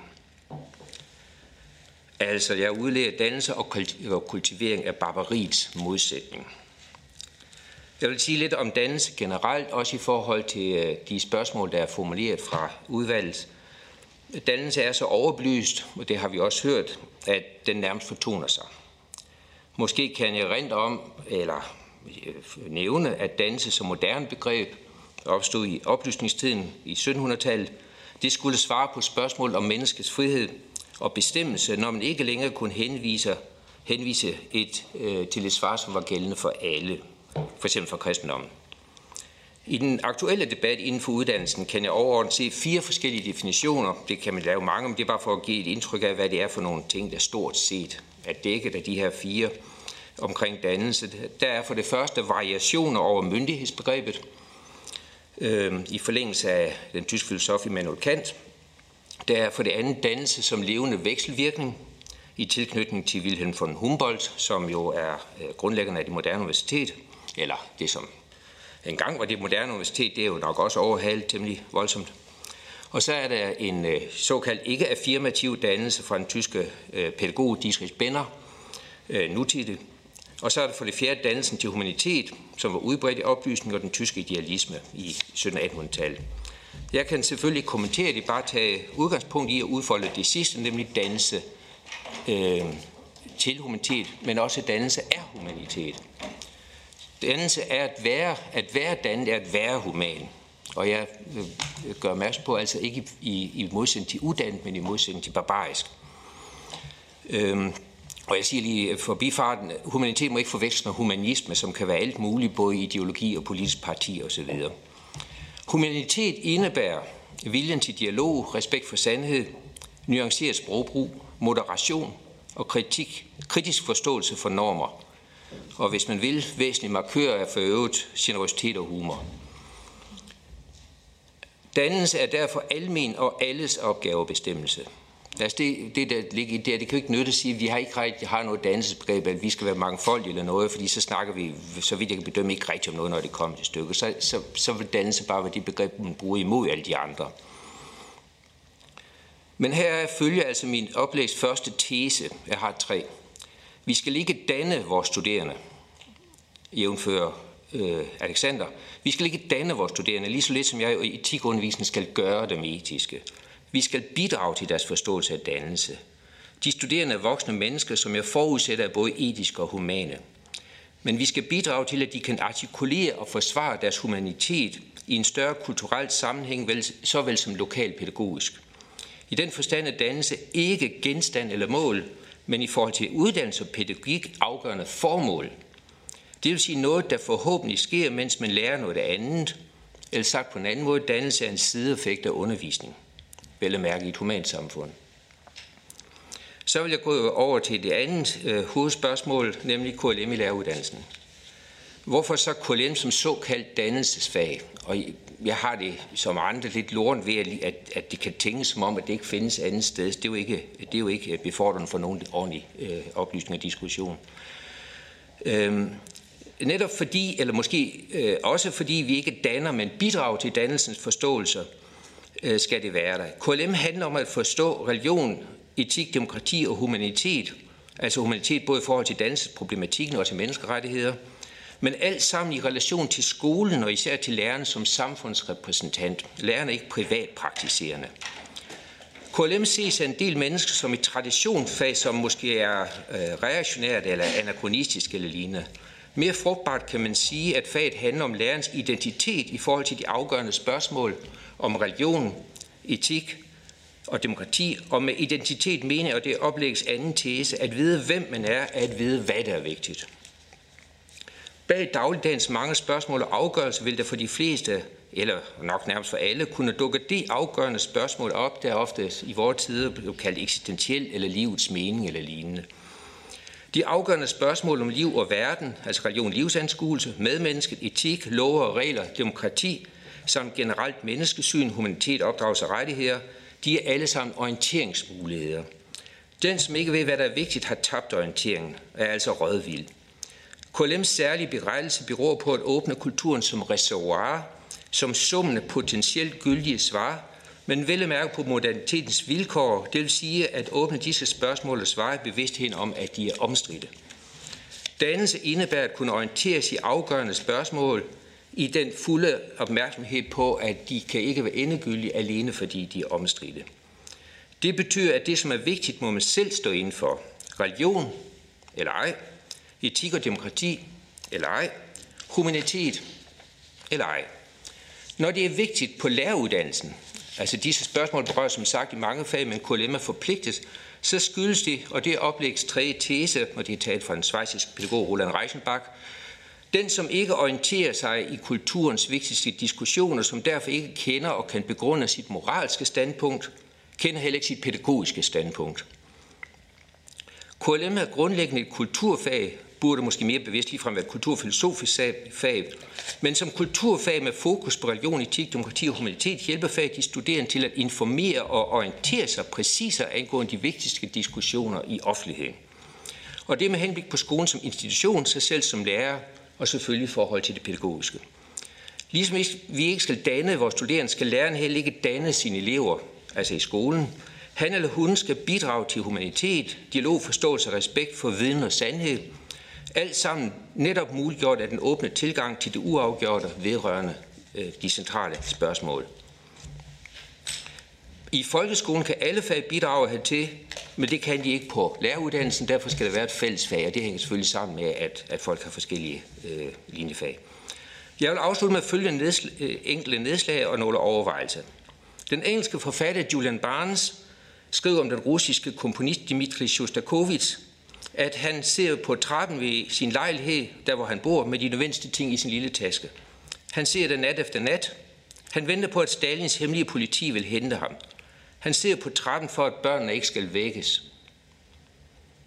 Romanen hedder Tidens støj, Og en afgørende sætning lyder, historiens visken skal vinde, skal vinde over tidens støj. Tidens støj er her Stalins diktatur, som heldigvis er fortid.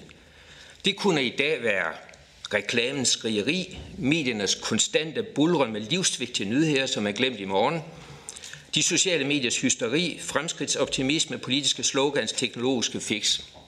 Fortsæt selv. Men tidens støj kunne måske også være de lette løsninger. Entydigheden, forsimplingen, drømmen om det konfliktfri Anneby-ideal. Hvad er der historiens visken? Det kunne være kunsten selvfølgelig. Tænk, at musik var livsfarligt. Det kan være traditionen, bevidstheden om, at der er større, bedre, vigtige, mere holdbare bud på det, som er vigtigt.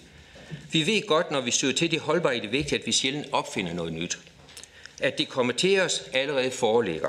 KLM er i en vis forstand nemt at forsvare. Man skal bare hæve det, uden at man er uddannet. Men det er humbug. Det hører til tidens støj. KLM er i en anden forstand svært at forsvare, for hvordan forsvare netop det, som ikke giver et svar? KLM og dannelsen, humaniteten, lever af, at vi kan lytte til historiens visken. Mange dygtige kolleger, mange fag, ikke mindst de pædagogiske, arbejder med dannelse og humanitet. KLM, KLM er eksplicit forpligtet på at holde kulturens afgørende spørgsmål og svar, altså orienteringsbudene, åbne.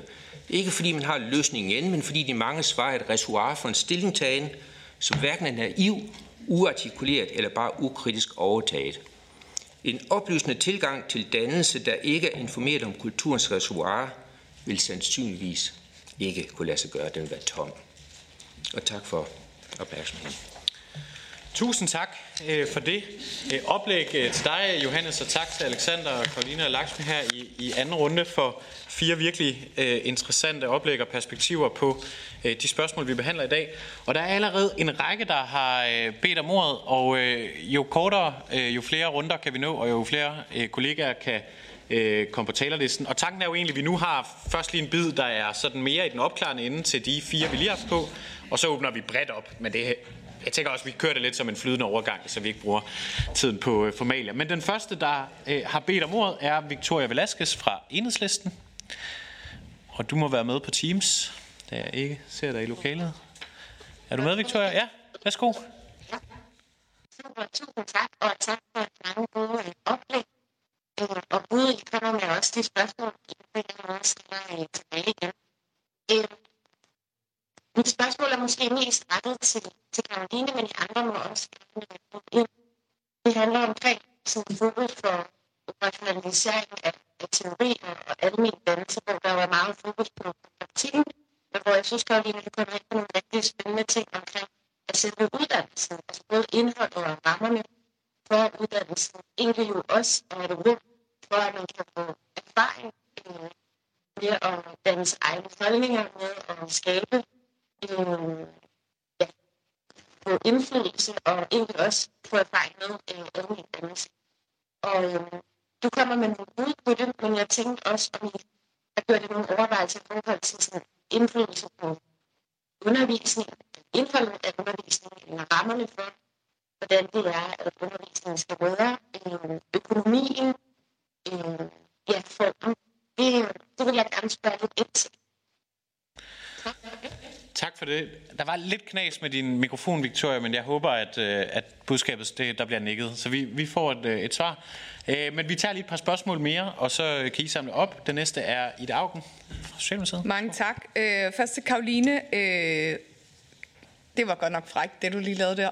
Men øh, jeg synes, det var virkelig spændende. Altså at foreslå, at man lagde de to fag sammen og sagde, jamen så gør vi faktisk øh, KLM styrker det, og vi gør det med at, at, at knytte det endnu mere til den lærer, fordi Johannes holdt et rigtig fint tale. Jeg tror, skridtet videre til at knytte den slags historier til min hverdag, mit liv, mit arbejde som lærerstuderende kunne være utrolig flot. Altså at man ligesom sagde, jamen, hvad er det Sjøstakovic lærer der, som har at gøre med mig ude i skolen? Hvordan er historiens visken, når jeg står som lærer ude i skolen? Øh, så på en eller anden måde ser jeg næsten en overskrift her, som hedder, altså vi, gen, vi redder dannelsen, og så putter vi læreren ind i hjertet af den og det kunne man faktisk gøre ved at putte læreren endnu mere ind. Det du nævner, profession, autoritet, øh, knytte sig selv endnu mere ved at faktisk at udvide faget lidt. Så jeg synes, det er en meget spændende tanke. Jeg lover ikke noget som helst, fordi øh, jeg har ingen mandater. Men jeg siger bare, at jeg bliver personligt meget inspireret af det her. Jeg synes, det var, og måske var det lidt koordineret med Laksmi, det ved jeg ikke. Men, øh, men mit spørgsmål ville være måske til, øh, til Alexander. Øh, fordi du, du har også siddet i gruppen. Hvad tænker du om sådan et øh, lidt frækt forslag, øh, der kommer her? Jeg ved ikke, det handler ikke om, om loyalitet over for gruppen, det var de lærerstuderende, hørte jeg, der kom med det her forslag. Og, øh, og mit spørgsmål er så også til dig, Laksmi, som øh, jeg har hørt Karoline fortælle på et andet tidspunkt, at det er bestemt ikke alle lærerstuderende, der oplever det her brede dannelsesfag, der oplever KLM som øh, den her indføring i etik og historie og, og øh, i religionsforståelse, som er på kvalificeret niveau til at, at kunne tage det direkte ud. Øh, så der jo kunne også være noget, der tyder på, at faget faktisk skal styrkes. Og der kunne jeg godt tænke mig at høre dig som sensor, som kommer rundt i landet, øh, og sige lidt om, er det, er det rigtig godt, det der foregår lige nu alle steder, eller er der faktisk nogle muligheder øh, for at styrke det? Og så vil jeg bare sige til Karoline, at øh, oppe i Hillerød, der har jeg snakket med dem og foreslået, at de tog fat i dig, når de skal lave en ny læreruddannelse, og faktisk med start af tænkt, hvordan kan man gøre hele læreruddannelsen til et sted, man er, hvor man bliver, hvor man hænger ud, hvor man holder revy, hvor man holder fest og alt det her. Så den håber jeg, I vil gribe os i forhold til netop nogle af de udflytninger, vi laver. Der er faktisk en mulighed her for at lave endnu mere spændende læreruddannelser. Tak for det. Og øh, den sidste, der lige kommer på her i første runde, bliver Uffe Elbæk. Tak for det. Øh, og jeg sidder et helt andet sted på Christiansborg lige nu, og på vej ind i et helt andet møde, men jeg, I skal vide, at jeg har med kæmpe fornøjelse hørt øh, alle jeres oplæg. Mit spørgsmål går øh, lidt, øh, måske lidt skævt ind i den diskussion, der har været indtil nu, fordi vi nu har vi snakket meget om, om hvordan øh, skal det her fag og den her tematik øh, nærmest sættes på skoleskemaet, på, øh, på hvordan skal den placeres ind i forhold til læreruddannelsen. Mit spørgsmål går på, at når vi snakker dannelse og dannelsesbegreber og dannelsesprocesser, så er der noget af det, som foregår intellektuelt, noget andet foregår følelsesmæssigt, emotionelt. Noget andet sker igennem praktisk erfaring. Og noget af det, som jeg, når jeg kigger på øh, den måde, vi har skruet vores uddannelser sammen på, og ikke bare læreruddannelse, men helt generelt, så mangler jeg en, både ord, begreber, prioritering af, hvordan vi udvikler den enkelte studering, øh, studerendes personlige altså øh, personlige udvikling. Og den personlige udvikling hænger jo enormt snævert sammen med selve det dannelsesbegreb, vi har diskuteret her. Så hvordan skal det foregå på en, i fremadrettet på læreruddannelserne? Hvordan, hvilke pædagogiske, processuelle øh, greb vil man arbejde med øh, undervejs i studiet, sådan så den enkelte studerende kan man sige, lærer sin egen autoritet at kende, og lære egen tænkning og emotionelle øh, øh, dynamikker at kende. Det er jo ikke sådan noget, man bare lærer ved at læse en bog. Det er jo noget ved at, at erfare det øh, med sig selv i relation til den vejleder, man eventuelt har, eller helt konkret i forhold til de dynamikker, der er blandt en gruppe lærerstuderende. Så hvordan, hvordan får man indarbejdet nogle helt andre måder at, at tilegne sig øh, viden og erfaring på, når det handler om en så vigtig diskussion, som vi nu snakker om, omkring dannelsesbegrebet. Jeg ved godt, det var lidt øh, flyvsk, men øh, jeg mener det dybt, dybt alvorligt. Så fint, tak øh, for det, øh, Uffe. Nu får I øh, lejligheden til at, øh, at svare, øh, og så tager vi en ny runde, men bare for sidste udvalget, hvis man har spørgsmål til hele panelet og mere generelt og sådan noget, så endelig bare øh, markere, øh, så prøver vi at se, om vi ikke kan nå øh, alle, og derfor må I selvfølgelig gerne prøve at svare så, så kort og præcis som muligt. Øh, skal vi bare i virkeligheden måske starte modsat? Jeg ved ikke, Johannes, om der er noget af det, der er blevet spurgt til, som du vil kommentere på øh, direkte. Ellers, ja, du er velkommen. Ja. Ja, det er fint. Laksmi, så, så øh, hopper vi til dig. Ja, tak for spørgsmålene, og det er rigtig øh, inspirerende også at, øh, at, at høre jeres både kommentarer og overvejelser i forlængelse af det, vi har sagt. Til dig, Ida, vil jeg sige, at det er et rigtig godt spørgsmål, altså det her med, hvad foregår der egentlig i undervisning i KLM rundt om på de forskellige læreruddannelser. Og Ove gjorde jo opmærksom på, at det desværre har været sådan, at KLM øh, fra starten i 2007 er blevet til sådan en slags stridens æble. Og jeg tror, at, øh, at det er med til at... Øh, give nogle udfordringer nogle steder øh, for undervisningen i KLM, fordi man øh, har vekslet for meget imellem, hvem man sat til at undervise i faget. Og det er selvfølgelig vigtigt, når det er så komplekst et fag, som det er, at dem, der underviser i faget, rent faktisk også har de faglige kompetencer til at undervise både i bredden og i dybden i KLM. Jeg tror også, det er vigtigt, at faget ikke bliver brudt op i for mange små enkeltdele, så at der er, især på første årgang, og det er noget, jeg tror, vi på læreruddannelserne generelt er blevet meget mere opmærksom på, det behov for stabilitet det første år i forhold til, hvilke undervisere de studerende møder. Fordi den samtale, altså det, det samtalefællesskab, som vi meget gerne skal opbygge i et fag som KLM, er et fællesskab, der kræver tid. Og det er vigtigt, at vi har både tid og ro til at vende tilbage og samle op, og at det ikke er tre forskellige lærere, der bliver sat til at undervise i faget. Så der ligger nogle, nogle elementer der. Øh, og så er jeg altså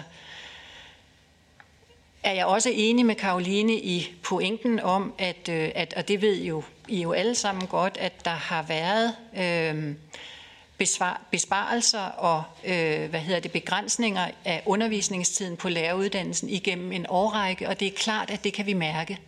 Så, så den, øh, altså hvad, de, det antal lektioner, vi har til rådighed, er simpelthen reduceret med, når man tæller op, og jeg har jo været i branchen i mere end 20 år, så jeg kan godt ligesom kigge tilbage, i hvert fald en tredjedel. Og det er klart, at det også gør en forskel. Øh, derudover vil jeg sige, at jeg har opsamlingerne fra sensorrapporterne, og så er der evalueringen, hvor der også var interview med studerende. Men vi kunne godt have brug for mere viden øh, om de studerendes arbejde med og erfaringer med faget. Jeg kan sige for mit eget vedkommende, og også når jeg er ude som sensor, at jeg får rigtig mange positive tilbagemeldinger øh, om KLM. Øh, men det er klart, at der også er steder, hvor der er problemer, og, og dem skal vi øh, øh, forholde os til. Ja, og så hver gang, altså øh, det var, det var inspirerende også med, med Uffe Elbæks øh, øh, indspark her, og nogle gange altså, får jeg jo også lyst til at invitere jer med ud i læreruddannelsen, øh, fordi nu taler vi om en, en lille bitte del af læreruddannelsen. Der foregår jo mange andre ting.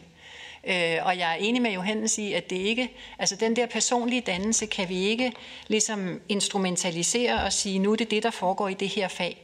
Men der foregår rigtig meget personlig dannelse i tilknytning til fagene. Og nogle gange kommer de studerende også og vil gerne øh, fortælle os ved afslutningen af KLM for eksempel, hvad faget har gjort ved dem, så at sige. At de har fået åbnet et større refleksionsrum, fået åbnet nye horisonter. Det er sådan noget, der øh, gør mit øh, underviserliv meningsfyldt.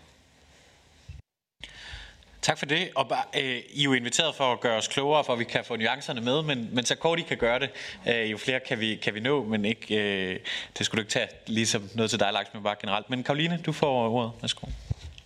Tak, øh, og vi prøver at svare lidt, øh, lidt samlet. Øh, jeg tror, et eksempel, jeg ofte bruger, det er, at man på lavuddannelserne i øh, Nordjylland, Nordjylland, Jørgen og i Aalborg, der kender man KLM-faget som DIMS og PDP. Øh, man kender det ikke som oftest som KLM, og det er også derfor nogle gange diskussionen om, hvad det skal hedde, bliver sådan en lille smule fjollet fra et, fra et lærerstuderende perspektiv.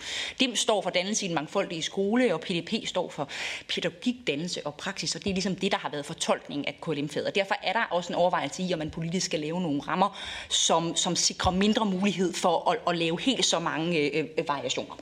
Øh, vi tror rigtig meget, at det, der skal til for at styrke også det, der er sådan den, den personlige eller den menneskelige øh, aspekt af, af faget, jamen det er at sikre mere tid.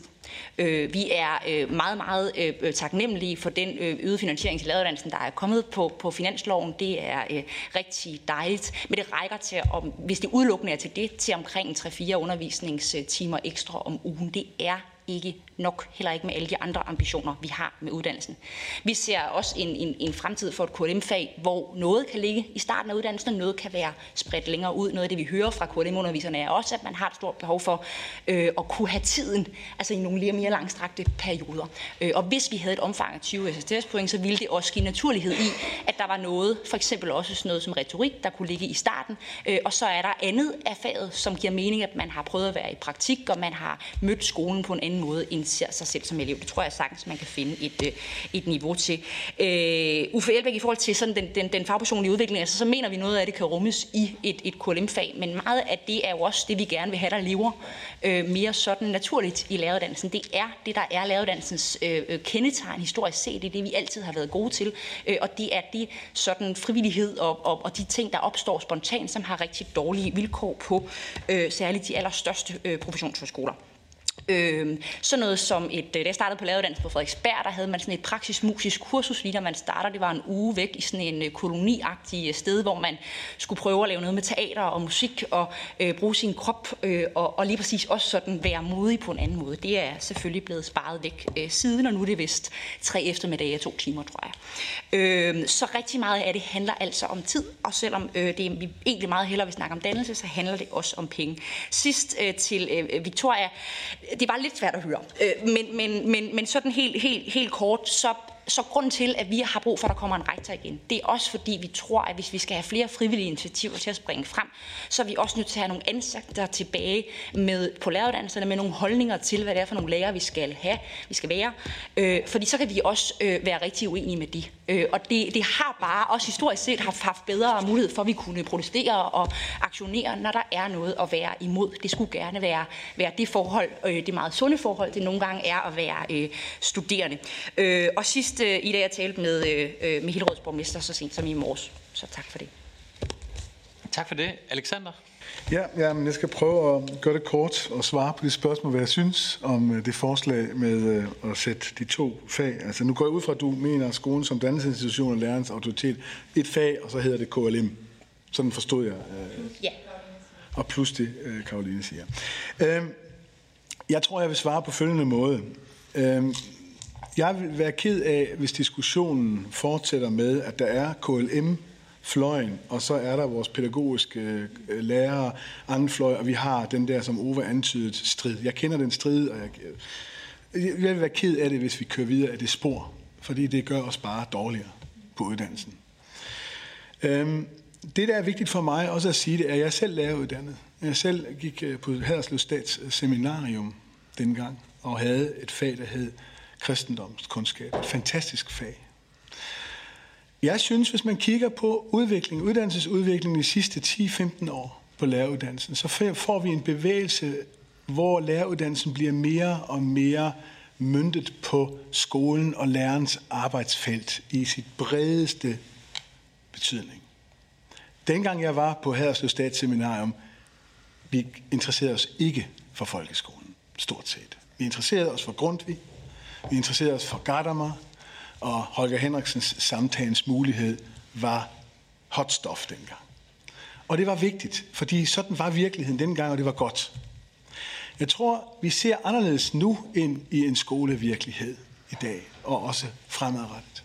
Og jeg tror, det er vigtigt, at uanset hvad vi kalder det, at vi gør os klart, at vi på læreruddannelsen kvalificerer unge mennesker i løbet af fire år til at være myndig lærer i en institutionsskole. Og det er en rigtig vigtig institution. Så jeg vil gerne bruge alle mine kræfter på uddannelsen til at indføre dem i, hvad er det for en institution? Og dertil hører idéhistorie. Dertil hører alle de ting, som KLM's vidensområde rummer. Jeg kan ikke forestille mig, at det ikke skal være med. Men jeg er, vil være ked af, hvis man tager de to fag og siger, nu styrker vi KLM, og så kalder vi det bare KLM og tager de to fag.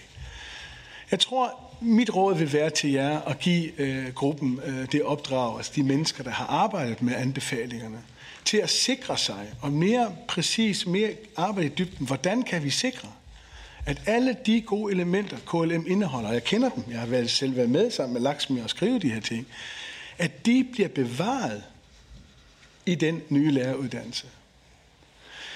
Jeg er ikke sikker på, at jeg har svaret på dit spørgsmål, men jeg har prøvet. Øh, og øh, det andet, jeg vil sige til Uffe Ellebæk, det er, at jeg synes, det er fuldstændig rigtigt set, at vores øh, praktik og vores måde at omgås tingene på med dannelsesprocesser er kognitivt belastet eller er kognitivt for stort. Og øh, det nye forslag på, på vores anbefalinger styrker praktikken den løbende praktik og praktikken som forløb, for netop at tillade sådan nogle ting, som du efterspørger, øh, Uffe. Jeg synes, det er en god pointe. Og så vil jeg sige til, jeg kan ikke huske, om den sidste var, hvor man hørte det så dårligt, at jeg er rektor på en læreruddannelse, og jeg er i modvind med de studerende. Jeg forstår ikke, at Karoline er så bange for, at vi er rektorer, der er i modvind. Jeg leves. Ja, men også på professionen. Det, det er leves og trives rigtig god modstand for de studerende. Det er dejligt. Det er godt at høre. Øh, og tak øh, for øh, svarene. Øh, nu skal I høre, at vi har lige 10 minutter tilbage. Vi har øh, seks på talerlisten, øh, så vi gør simpelthen det, at nu tager vi de seks i en øh, stribe korte spørgsmål, og meget præcis på også, hvem det er, man spørger øh, om noget, og så får dem, der får et spørgsmål i øh, panelet oplægsholder ordet, inden vi, øh, inden vi runder af. Og den første er Astrid Karø fra SF. Værsgo, Astrid. Tak. Hold op. Øhm, ellers må vi snakke videre om det bagefter. Vi har jo også øh, snakket om det her, øh, før vi mødtes i dag, i hvert fald nogle af os. Øhm, jeg, øh, jeg deler bekymringen omkring øh, den kommende, hvad hedder det, øhm, øh, altså den kommende læreruddannelse i forhold til de, de ting, der ligger i KLM-faget. Det er det, der er vigtigt for mig. Øh, men, og jeg kan egentlig også godt se det, du siger, Karoline, i forhold til øh, nogle nye temaer ind i et eksisterende fag. Jeg synes, det er en god idé, selvom at jeg er enig med det, at det også er lidt frægt, men øh, det kan vi godt lide. Øh, jeg kunne bare godt tænke mig om... om så vil jeg gerne bede Lakshmi om at reflektere på det, hvis jeg skal vælge en, men det er det her med placeringen, fordi Øhm, jeg kan egentlig godt se det her med, at det skal ligge bagud som filosofikum for hele uddannelsen, men jeg kunne bare også godt forestille mig, at man som helt ny lærerstuderende møder det her meget kæmpe fag øhm, og spændende fag, men, men som måske også er lidt overvældende, lige når man starter på en uddannelse, hvor man også lige skal lære at være studerende og alle sådan nogle ting. Øhm, det har jeg i hvert fald sådan selv oplevet på mit eget studie, at nogle af de her tunge sådan, videnskabsteorier og idéhistorie, det, det er lidt hårdt at have på de første par semestre. Giver det ikke meget god mening også at have noget af det her som outro, som, ud, som uddannelses- eller som udviklingsgruppen lægger op til, eller skal det være lige der i starten? Næste er Katrine Ropsø fra Radikal Venstre. Skål. Tak, og tak fordi I er kommet. Øh, så øh, vil jeg gerne rette mit spørgsmål mod øh, Karoline. Øh, fordi hvad er de studerendes oplevelse med KLM-faget i dag? Man kan jo have mange idéer om, hvad det skal være og bør være og alt det der, men hvad er, øh, kan du sige lidt flere ord på, hvad oplevelsen er i dag? Og ligger I så inde med noget af det vidensgrundlag, øh, Lakshmi øh, nævnte før, der måske kunne mangle lidt i forhold til, hvad oplevelsen egentlig er med faget? Øh, det var det. Tak øh, for det. Den næste er Daniel Toft Jacobsen fra Socialdemokratiet. Tak, og jeg skal prøve at gøre mig med også for at gøre det øh, kort. Tak for oplæggene.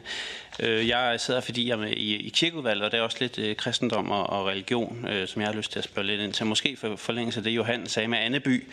Øh, der er jo mange diskussioner om religions rolle og placering i samfundet. Hvor synligt må det være, hvor synligt må det ikke være.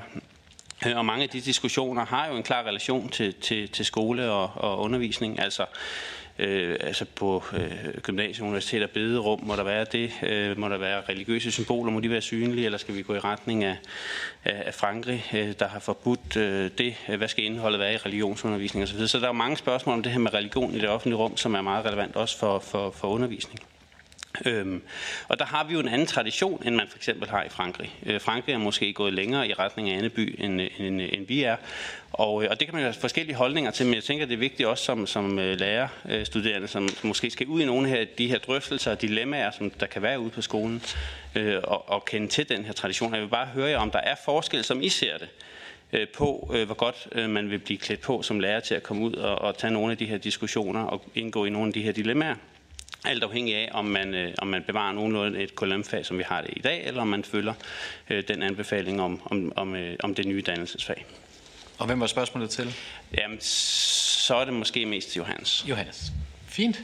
Vi går videre til Ulla Tørnes fra Venstre. Ja, tak. Øh, jeg vil også gerne sige øh, mange, mange tak for nogle øh, meget, meget spændende og super relevante indlæg i den debat, som vi er jo alle sammen midt i. Men tusind tak for det. Jeg føler mig sådan kaldet til at komme lidt med sådan en policy-melding, og det kan godt være, det er meget upassende, og nu kigger jeg på formanden, men nu gør jeg det alligevel. Øh, altså, øh, det er jo sådan, når man sidder som oppositionspolitiker, så har man ikke været specielt meget inddraget i alt det arbejde, nogle af jer har øh, øh, stået for i øh, udviklingsgruppen, og det vil jeg gerne benytte lejligheden til at øh, beklage, og det ved jeg godt, det kan I ikke gøre noget ved, men, øh, men, men som oppositionspolitiker, så øh, føler jeg ikke et stærkt ejerskab øh, til det resultat, øh, som øh, I nåede frem til. Og det skulle vi jo gerne have lavet om på, og det er jo også derfor, vi sidder her og lytter. Øhm, men men, men øh, vi er jo, som I sikkert ved, øh, jo i fuld gang med øh, orientering fra ministerens side. Vi er ikke sådan rigtig kommet til forhandlinger endnu, øh, men, men vi bliver orienteret om, hvad det er, I er nået frem til.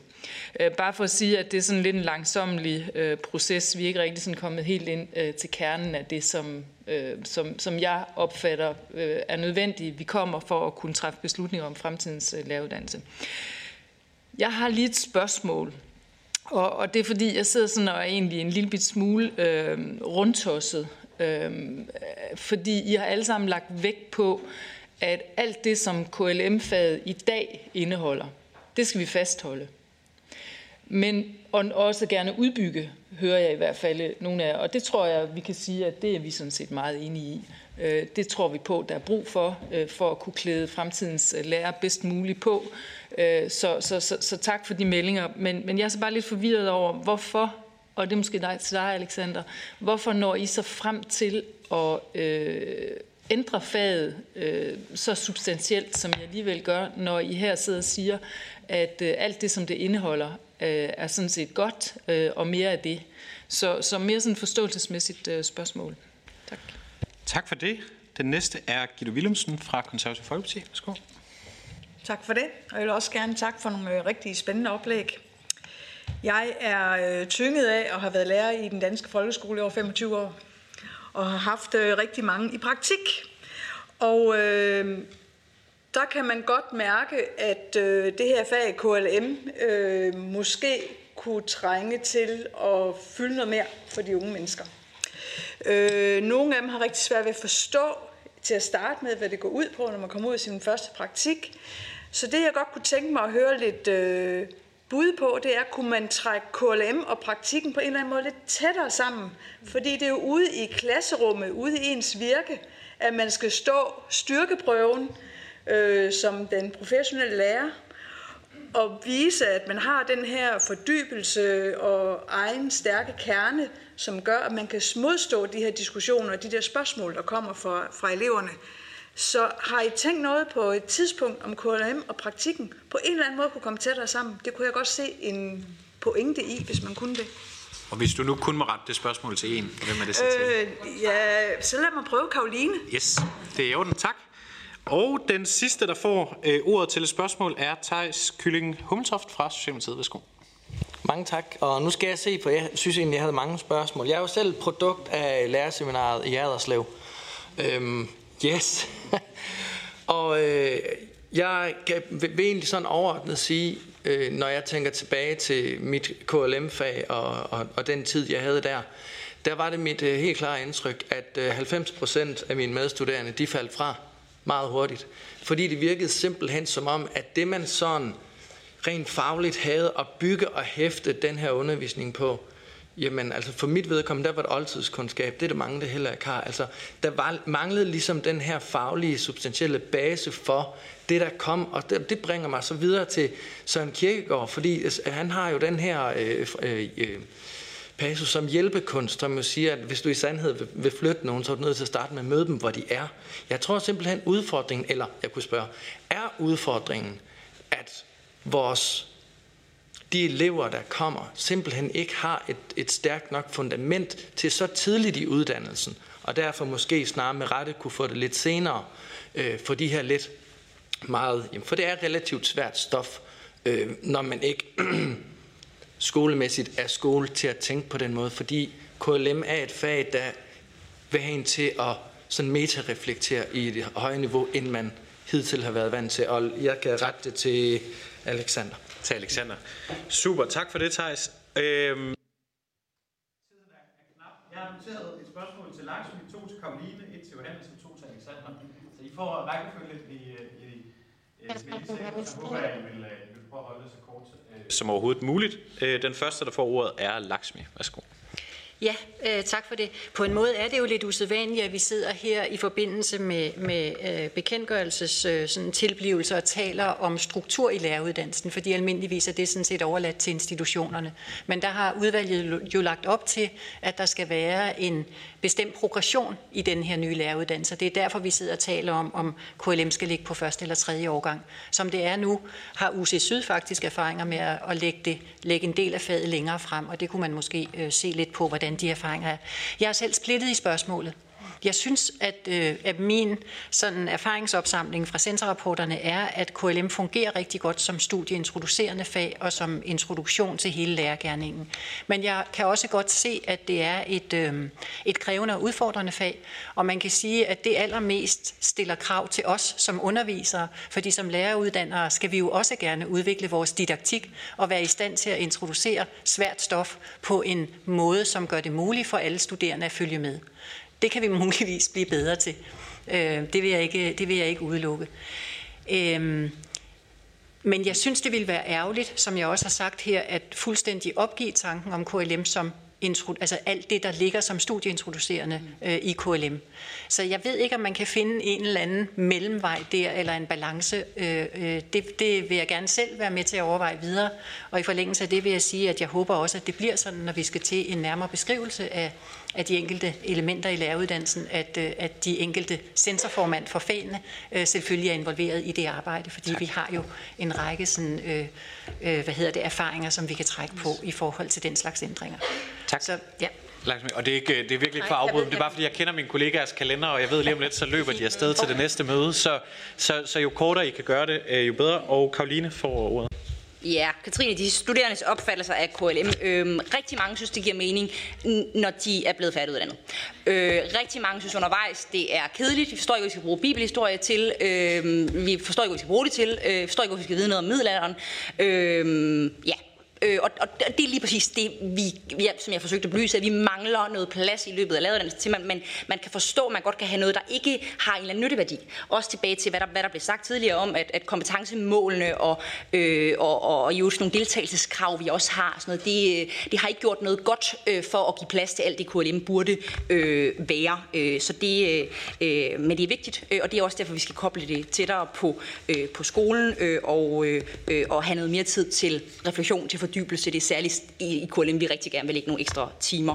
Når det skal kobles tættere til skolen, så er det også fordi, vi lige præcis har tænkt det ind i relation til, øh, til praktikken i øh, forbindelse med vores øh, anbefalinger i udviklingsgruppen. Vi har drøftet meget om, at den øh, progression, vi godt kunne tænke os at have i de nye skoleforløb i løbet af alle fire år, de skulle gerne vise sig ved, at man for eksempel observerede meget, øh, måske en gang om ugen på første år. Det kunne helt oplagt være noget med, at man, øh, man skulle observere, hvordan øh, etik, øh, hvordan demokrati i, hvordan autoritet viser sig i skolen, og det var så noget af det, der kunne være koblet sammen med, øh, med KLM-faget. Og det er ikke det samme som, at KLM-faget så direkte kun har en relation sådan, som sådan noget meget praksisnært, men det skal stadig have skolen som krog, og det tror vi, man fint kunne, kunne, øh, kunne finde en model for der. Tak for det. Uh, Johannes, og så Alexander til sidst. Ja i, øh, i spørgsmålet om religion i det offentlige og andet ideal. Jeg bruger selvfølgelig udtryk, fordi det er min opfattelse, at, at øh, rigtig meget offentlig diskussion slår ind øh, i forhold til de studerende, jeg får. Øhm, øh, og, og det mærkelige er, at altså, den offentlige diskussion er i meget stor udstrækning forarmet, og jeg ved, det skyldes ikke folk. Altså, min klare opfattelse er, at folk er sådan set dygtige og nuancerede nok i et vis udstrækning. Det kan være journalister, det kan være jagten på seere og andet. De sociale medier næppe nogen hjælp. Men der er det jo altså ret vigtigt, at, at man har et fag, hvor nogle af de store emner, der faktisk diskuteres, også bliver sat ind i en større historisk sammenhæng. En, en historisk sammenhæng, som velmærker ikke bare er noget fjern, fordi hvis den er det, så er den jo død. Altså, det er jo ikke historie, det er jo pjat. Så ja, jeg synes, det er et vigtigt fag for øh, kommende lærere, at de forstår, hvad der faktisk foregår i den, øh, det samfund, de er en del af. Og det er det, jeg mener, det hænger sammen med autoritet, men det har ikke autoritet ude i skolen, hvis man ikke også på en eller anden måde tager del i det samfund, man er en del af. Og det synes jeg slet, slet ikke reflekteres i de der sådan lidt øh, overfladiske øh, autoritetsting, jeg har set omkring øh, det, det der tema, som nu så muligvis skulle være et fag, det ved jeg ikke. Tak. og Alexander. Ulla, øh, jeg tror, det er rigtigt. Øh, det handler jo ikke bare om, at vi vil det samme og mere af det samme. Altså, vi vil jo med de anbefalinger give det en, en, en anden retning. Men der er der mange videnselementer i KLM, som skal, skal være med. Det er klart. Men jeg tror, nu siger jeg det meget forenklet, alt for forenklet. KLM har en idehistorisk kulturel retning.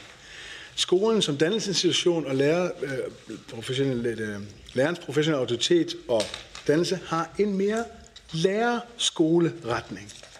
Og det er det, jeg prøvede på at sige der mit lungens svar til Ida, at vi ser en uddannelsespolitisk bevægelse hen imod mere i skoleretning. Jeg synes, det er en god bevægelse. Det er en rigtig bevægelse. Den ligner ikke min uddannelse. Men det var også en anden tid. Vi stod med andre, andre problemstillinger. Det er det ene. Og til Thijs, jeg tror, det er abstrakt, det fag. Og det er også godt, det er abstrakt, for der skal være abstraktion i en uddannelse. Og derfor placerer vi det senere. Fordi, hvordan lærer man at blive en professionel lærer igennem fire år? Det gør man ved at blive konfronteret med noget fremmed i starten af sit uddannelse. Og hvad er det? Det er ikke KLM. Det er, at du nu sidder som lærer selv ved en kateder. Derfor skal du ud i praksis ret hurtigt. Du skal opleve dig selv være derude, og opleve, hvad det betyder at være lærer nu. Ikke elev, men lærer. Og senere på uddannelsen skal vi igen udfordre din, din syn på lærer og skole ved de videnselementer, der ligger i KLM. Hvad betyder det for et samfund, for humanitet, at der er en skole? Så de refleksioner, hvis I placerer det, så synes jeg, man skal placere dem langt hen i uddannelsen. Fordi de studerende også falder fra på det første semester, de første to semester, er der stort frafald. Hvorfor? Fordi de gerne vil derud i skolen. De vil jo ikke sidde og, og, øh, og være teoretisk. De vil ud og bruge og opleve, hvad vil det sige at være lærer. Og derfor tror jeg simpelthen, at det er vigtigt, også med frafald, når man kigger på den. Så der er mange komplekse elementer, før I beslutter jer for at, at klaske to fag sammen og, og kalde det noget, eller at vi, at vi placerer noget. Der er simpelthen, og derfor igen mit råd, giv nu øh, dem, de mennesker, der har stået bag de anbefalinger. Det er jo en broget samling af eksperter, ledere, undervisere, interesse udefra at kigge på dem og måske mynte og sige, vi vil gerne at I arbejder videre inden for de retninger, men vi vil sikre, at de vidensting, som KLM har, at nogen af dem skal bibeholdes. Og så må man også sige, at noget skal luse ud. For hvis jeg kigger på KLM ud fra sådan med min blik, så er der rigtig, rigtig mange videnstunge videnselementer, der bliver på kort tid knaldet igennem. Vi taler fra Sokrates og til Luhmann i løbet af ingen tid. Det går ikke. Og det synes jeg, at vi skal have mere, øh, mere jeg har kigget på. Yes. Ja, ja, det er klart. Det er indholdsting og nogle mål, og vi skal kigge på indholdsting og sådan noget. Det, det, Godt. Ja, jeg skal holde min mund, ja. Det er så fint. Tusind tak øh, til, til dig, Alexander, men, men til jer alle øh, syv øh, for enormt spændende oplæg og rigtig mange gode refleksioner her øh, efterfølgende. Og, øh, og tak til, til udvalgene, også for den store deltagelse. Jeg kan bare sige, at den her høring har øh, haft mere end hver syvende folketingsmedlem deltagende øh, på et tidspunkt, og øh, det vidner jo lidt om, at der er stor interesse for, øh, for det her spørgsmål. Øh, og også bare lige en afsluttende øh, tak til både Ida Augen og Ulla Tørnes og Jens Henrik Tulsendal, som har været med til at planlægge, og ikke mindst til, til udvalgssekretariatet for hurtig og god øh, eksekvering. Og øh, tak til alle sammen, fordi I kom. Jeg tror, vi har en gave til øh, oplægsholderne, inden I øh, forlader os. Og tak til alle jer, der øh, så med derude. Håber også, det har været spændende at følge. Jeg er sikker på, debatten den fortsætter i, i de kommende uger og måneder. Tak.